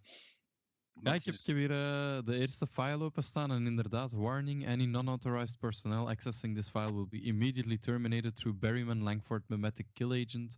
Scrolling down without proper mimetic inoculation will result in immediate cardiac arrest followed by death. You have been warned. Ja. Uh, ik snap perfect wat je wilt zeggen. De site is uh, scp-wiki.net. Uh, en inderdaad, zes series zijn er al uit en elke serie telt zo een... Een duizendtal pagina's. Heel veel pagina's. Maar dat zijn echt, dat zijn puur die werkdocumenten. Er zijn ook nog kort verhalen. Als je, op, uh, YouTube, ja, als je op YouTube rond gaat kijken, zijn er ook heel veel mensen die daarmee aan de slag gaan. Want dat is allemaal uh, open source. Dus iedereen mag daarvan gebruiken, iedereen mag eraan toevoegen, iedereen mag daaraan aan, aan schrijven. Zalig. Dus op YouTube gaan er ook heel veel mensen vinden die dat bijvoorbeeld voorlezen, die dat bijvoorbeeld daar een filmpje rond maken. Er zijn nu een aantal kortfilms uh, rondgemaakt die uitzonderlijk goed zijn. Uh, Maar zoals dat Robin er juist zei, ja, af en toe komt er wel eens iets tegen dat je denkt van, serieus. Ja, niet goed. Ja, ja. ja wel, wel cool. Ik, uh, het ziet er inderdaad zo'n beetje een eindeloze klik. En als je inderdaad van, uh, van creepypasta houdt, uh, dan, dan denk ik dat dit wel, ja. ook, ook wel ook, ook voor die mensen. En ik denk ook gewoon van, van want sommige dingen zien er. Allee, ik ben heel snel erdoor aan het scrollen, maar sommige dingen zien er echt wel goed uit. Allee, goed uitgeschreven uit. Uh, Gewoon toffe, toffe dingen. Um, ja, eh, dan gaan we nog eens, uh, tenzij dat er nog iemand iets toe te voegen heeft. Nee, direct. Uh, heel kort, in één dingetje dat ik ben vergeten bij het nieuws. Uh, Ghost in the Shell op, op Netflix. ik weet niet of we er allemaal naar uitkijken. Het was Jules die het, die het mij aanreikte. ik, ik het zou deze maand moeten uitkomen, volgens wat ik heb gelezen, maar we weten er nog eh, zo weinig over. 21 of 23 april of zoiets gaat het uitkomen. Um, maar er is buiten twee trailers is er echt, echt niet veel info rond. Um, het is ook een beetje anders dan anders. Uh, het is, deze keer zijn ze voor CGI gegaan in plaats van um, traditionele animatie. Mm maar we weten nog niet wat er effectief gaat gebeuren. We weten dat over de, de, de gewone cast gaat gaan. Maar we weten nog niet, ehm, want dat heeft Ghost in Shell al een paar keer gedaan, tot, tot mijn grote spijt, van ehm, dingen beginnen redconnen, um, hun, back, hun eigen backstory beginnen herschrijven. Dus we weten nog niet in hoeverre dat ze dat deze keer gaan doen. Maar ik kijk er in ieder geval wel naar uit. Ja, ik ook, ik ook wel, want uh, ik, ik, heb, uh, ik ken, ken er heel weinig van. Uh, ik heb, denk ik, misschien eens een aflevering gezien of zo, van, van, of, of een film, of ik weet niet wat. Ik heb, ik heb wel de film met Scarlett Johansson gezien. ik denk dat ik in slaap ben gevallen na 30 minuten. Dat kan. dat, was, dat was niet goed. Ik, ik ben blij dat ik daar ook niet de enige in ben. Ik heb een beetje de reviews daarvan gelezen en mensen, de kenners, zeggen echt wel van ja. Dit is ja, de, niet de film is, de film is, is visueel heel sterk. Echt heel sterk. Um, daar is echt heel veel tijd en moeite in gestoken om echt zo die, die, een paar van de echt specifieke scènes uit de originele um, ja, anime, ja, om die echt heel mooi en heel goed na te doen. Maar qua verhaal ja, is er. Ja, ja je hebt Scarlett Johansson, hè? Ja, ja, dat is waar. Dat is Maar in, in totaal is er wel heel veel van de, de, de Ghost in the Shell dat mensen vaak niet weten. Er zijn twee animatiefilms. Er is een mini-reeks van, uh, ik geloof, vier afleveringen. Dan is er nog een, een, een traditionele, af, traditionele reeks van twee seizoenen. Dan is er nog een reeks geweest, als ik me niet vergis. Um, dan is er de live-action film met Scarlett Johansson. En nu komt er dus een nieuwe reeks vanuit. Um, ik geloof op 21 of 23 april. Ik heb, uh, dat heb ik ook opgeschreven hier. ik heb gezien dat uh, volgens mij een ideale instap heb ik, uh, heb ik geschreven, omdat ze het verhaal, alleen volgens wat er geweten zou zijn, zouden ze het verhaal niet vanaf nul beginnen, maar effectief gewoon een, een verhaal, zonder dat je voorkennis moet hebben. Ik, ik, ben wel geen mega grote voorstander van, zo van die 3D-animatie. ook de reden waarom ik bijvoorbeeld de Clone Wars nog niet heb gezien. van van Star Wars, omdat ik het lukt mij niet om naar te kijken. Ik weet niet hoe dat, dat komt. Ik, dat, ik kan daar niet in komen. Ik ben er wel fan van, omdat er vroeger, uh, toen ik 12, 13 was, dus um, ehm, 17 jaar geleden, um, waren er zo de eerste aantal series van Transformers en van nog een aantal nieuwe IP's um, die, die 3D CGI gebruikten. En ik kon dat best wel pruimen toen. En nu nog altijd. De Clone Wars kan ik echt wel best. Maar ik ben daar misschien uh, een minderheid in, dat besef ik ook wel. Ja, ik denk dat er, dat er voor mij ene film is, die, die uh, tekenfilm gewijs, dat is Shrek. Dat is voor mij de enige film die daar echt, echt 100% in geslaagd is om mij, daar, om, daar, om mij daarin te blijven boeien. Want ik heb dan bijvoorbeeld ook die Final Fantasy, die allereerste uh, film gezien, dat ze toen in 3D man, dat was uh, heel moeilijk om dat te kijken. Ik weet, Robin, jij zei wel een Final Fantasy van. Wat vond jij, wat vond jij daar?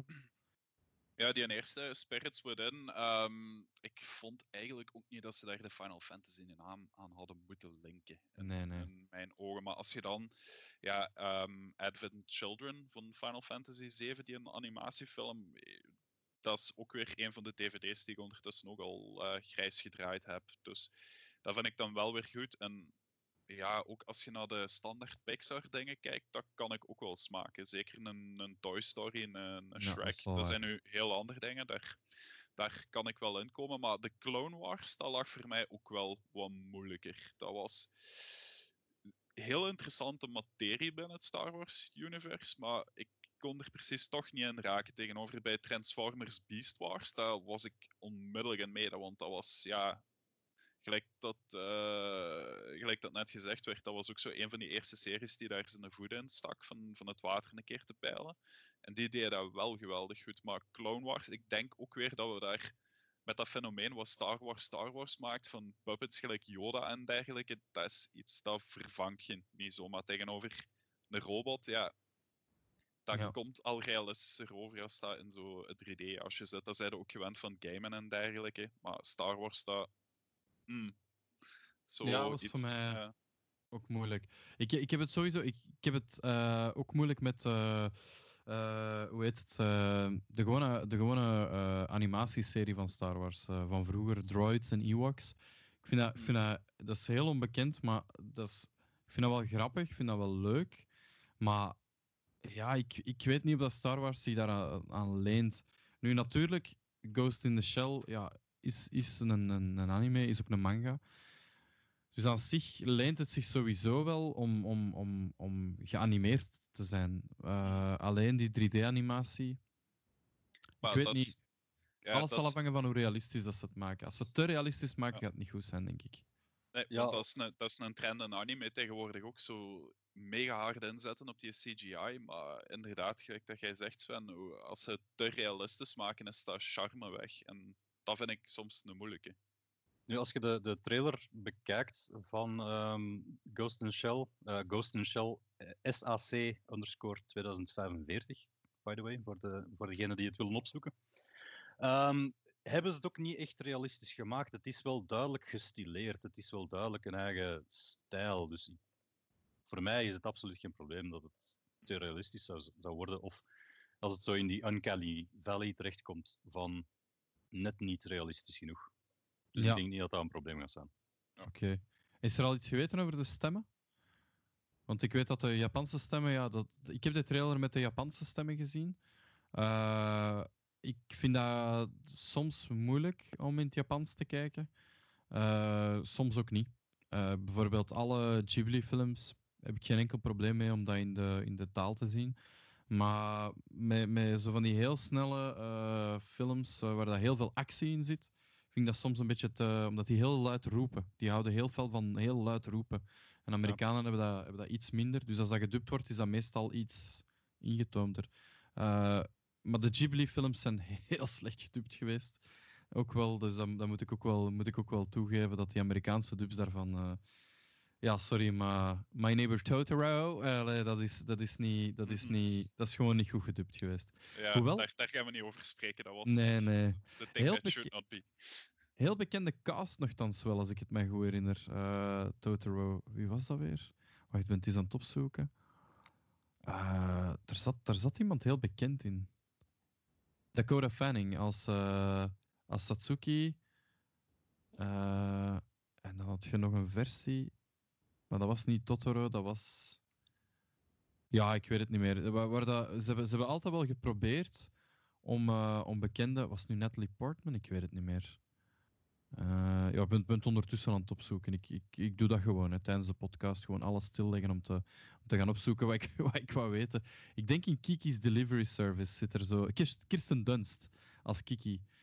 super rare keuze. Ik, gewoon om die naam eraan te linken, denk ik, heeft Disney dat toen gedaan.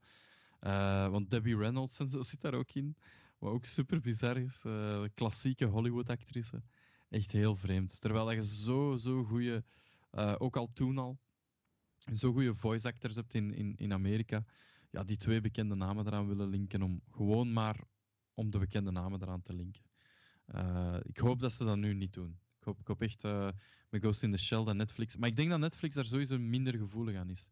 Dus, als je kijkt naar de series die ze kopen, zoals La Casa de Papel bijvoorbeeld, waar daar letterlijk nul bekende acteurs in zitten, Denk ik. Maar is het een Netflix-productie? Dat weet ik eigenlijk niet. Het is, het is een Netflix-productie. En ik ben ook juist gaan opzoeken. Het is april 3, uh, 23 april dat ze uitkoopt, uitkomen. Um, maar er is inderdaad nog heel weinig um, bekend van de, van de stemmen. De, de Japanse cast is bekend. Um, maar qua, uh, ik ben heel slecht in namen, dus ik ben er sowieso al slecht in. Ik ga eens, op, uh, ik ga eens openklikken. Kijk, we gaan eens uh, bekijken. Om de mensen een beetje te informeren. Ik ben eens aan het zien. Op IMDb staat er nog niks. Ik ga eens kijken op de Ghost in the Shell fandom. Op de Netflix uh, pagina zien we Atsuko Tanaka, Osamu Saka en Akio Otsuka als, als namen staan. Maar ik, kan niet zeggen dat ik ze onmiddellijk herken van, van Atsuko Tanaka is, is, is super, super bekend. Die moet ik zelfs niet opzoeken. Uh, in de Gundam-wereld uh, speelt zij. Uh, klas, echt ja, heel veel klassiekers. Nu, nu zeg ik, in Berserk speelt ze ook. Dat weet ik ook nog van buiten. Nu moet ik het toch gaan opzoeken. Hè. Maar ze is, ze, is, ze is wel bekend. Als ik, Dus als wel- ik het heel snel opzoek, eh, voor andere Netflix-producties: Batman Ninja, Knights of Sidonia, JoJo's Bizarre Adventure, Parasite, eh, Fate Stay Night, eh, Devilman, onder andere. Ja, ik ben hier eh, ondertussen op, eh, op de wiki geraakt. Ze speelt mee in Cowboy Bebop, in Yu-Gi-Oh! In, eh allee, speelt mee, ze doet de stemmen daarin. In eh Gogo Itsugo, Gogo Itsutsugo Land, eh, misschien iets minder bekend in Europa. Eh, en dan iets recenter even kijken. Eh, ja, inderdaad, Devilman Crybaby. echt wel veel, ze, hè. Heel veel. Mobile Suit Gundam. Ja, echt heel, echt heel veel. Dus qua stemmen zitten er inderdaad, inderdaad wel niet slecht aan. Dus dat is wel al een goed begin. Ja, voorlopig weten we er ook gewoon niet meer dan dat over. Het verhaal weten we niet. Eh, of toch, toch niet dat ik, eh, dat, ik, dat ik heb gevonden. Ik heb er eh, een beetje over opgezocht. Kan ondertussen veranderd zijn. Maar ja, het wordt door een, Russische artiest gedaan, Ilya Kuvshinov, zoiets. Wordt, het, wordt het getekend. Benieuwd, ben benieuwd. Ben, ben heel benieuwd wat ze ermee gaan doen. Het, is, het is zeker iets om naar uit te kijken. Misschien zitten we dan nog wel in, in lockdown. Ehm, heeft er iemand nog iets toe te voegen? Want we komen bij het einde van deze podcast. eh, eh, we naderen het einde waarin dat we alle drie een tip gaan geven aan de luisteraars. Dus ik weet niet of, dat, eh, of dat jullie nog iets toe te voegen hebben daarvoor. Blijkbaar niet. Ja, we hebben er juist Hm. ook al tips gegeven, maar ehm, wat er nu met nu nog binnenspringt, is een, een, een, een hidden gem dat ik over het laatst ontdekt heb. Dat is inderdaad eh, Ehm, de laatste, de laatste op- fase van de podcast. Op Steam eh, ben ik zoiets iets per ongeluk tegengekomen. Ehm, dat noemde They Are Billions. Ehm, En dat zag er mij onmiddellijk al interessant genoeg uit om, om direct te kopen en te downloaden. Dat is een steampunk survive, zombie survival RTS. Met af en toe een, een Diablo-esque top-down isometric level ertussenin gesmeten. Complex, eh, ja. eh. complex, maar het is, het is ongelooflijk plezant. Het is echt een, ja, een, een RTS en uw tegenstanders zijn, is een, een horde zombies. Eh, je, je probeert te overleven van dag tot dag. eh, en, en als je, er zit een, een sound mechanic in. Als, u, als uw community te veel lawaai maakt, eh, trekt er meer aandacht, eh et cetera, et cetera. Het is, het is echt het is een, een, een stevige aanrader voor iedereen die wel eens een RTS kan, eh, kan smaken. Dus eh, ge- geen multiplayer waarschijnlijk. Eh, geen multiplayer, maar wel ehm, mod support.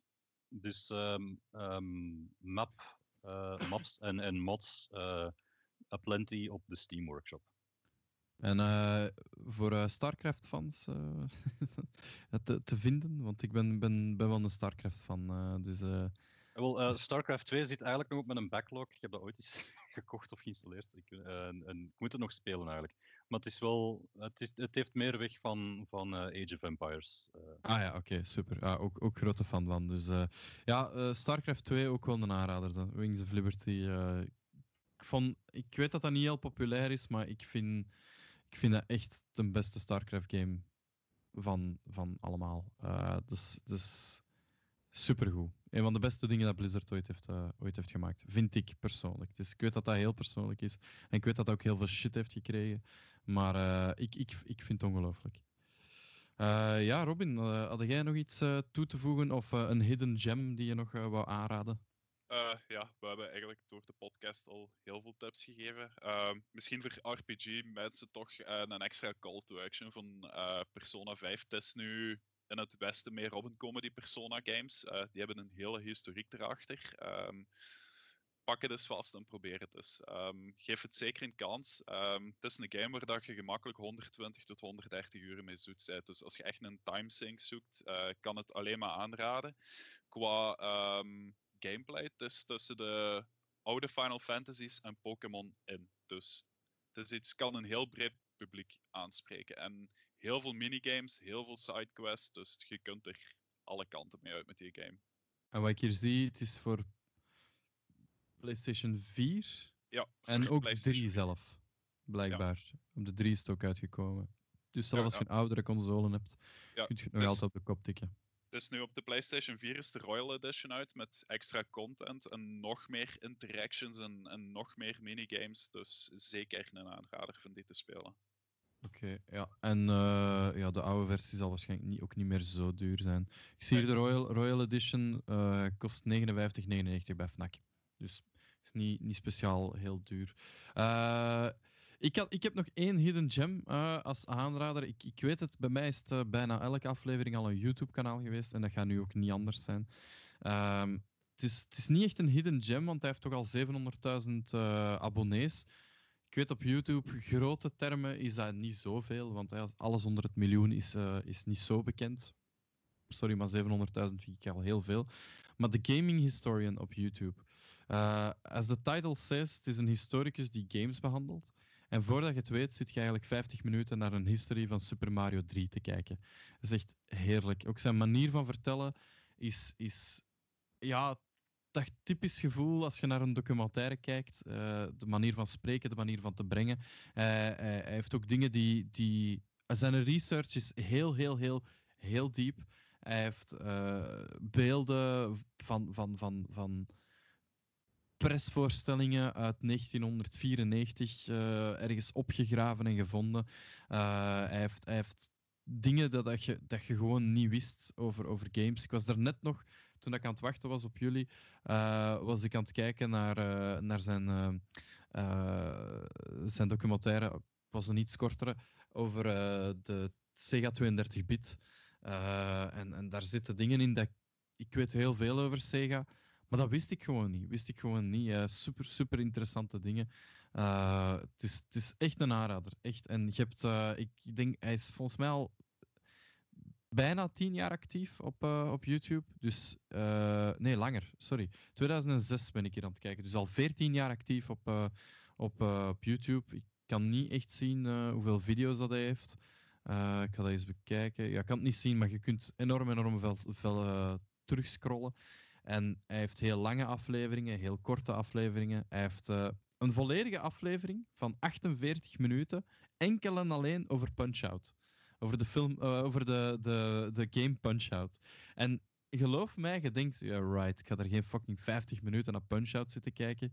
Uh, eh, 50 minuten later zet je naar de volgende 50 minuten aan het kijken. Echt, ik, het is gratis reclame voor hem, maar het is echt, echt, echt heel goed. Echt heel tof. Ik raad ook The Story of Spyro aan, als er Spyro-fans zijn. heel toffe, heel toffe docu. Zo, um, ik denk dat we stilletjes aan het einde zijn geraakt. We zijn twee uurtjes aan het babbelen. Het is voorbij gevlogen. ik zou nog honderden dingen kunnen zeggen. Ik hoop jullie ook.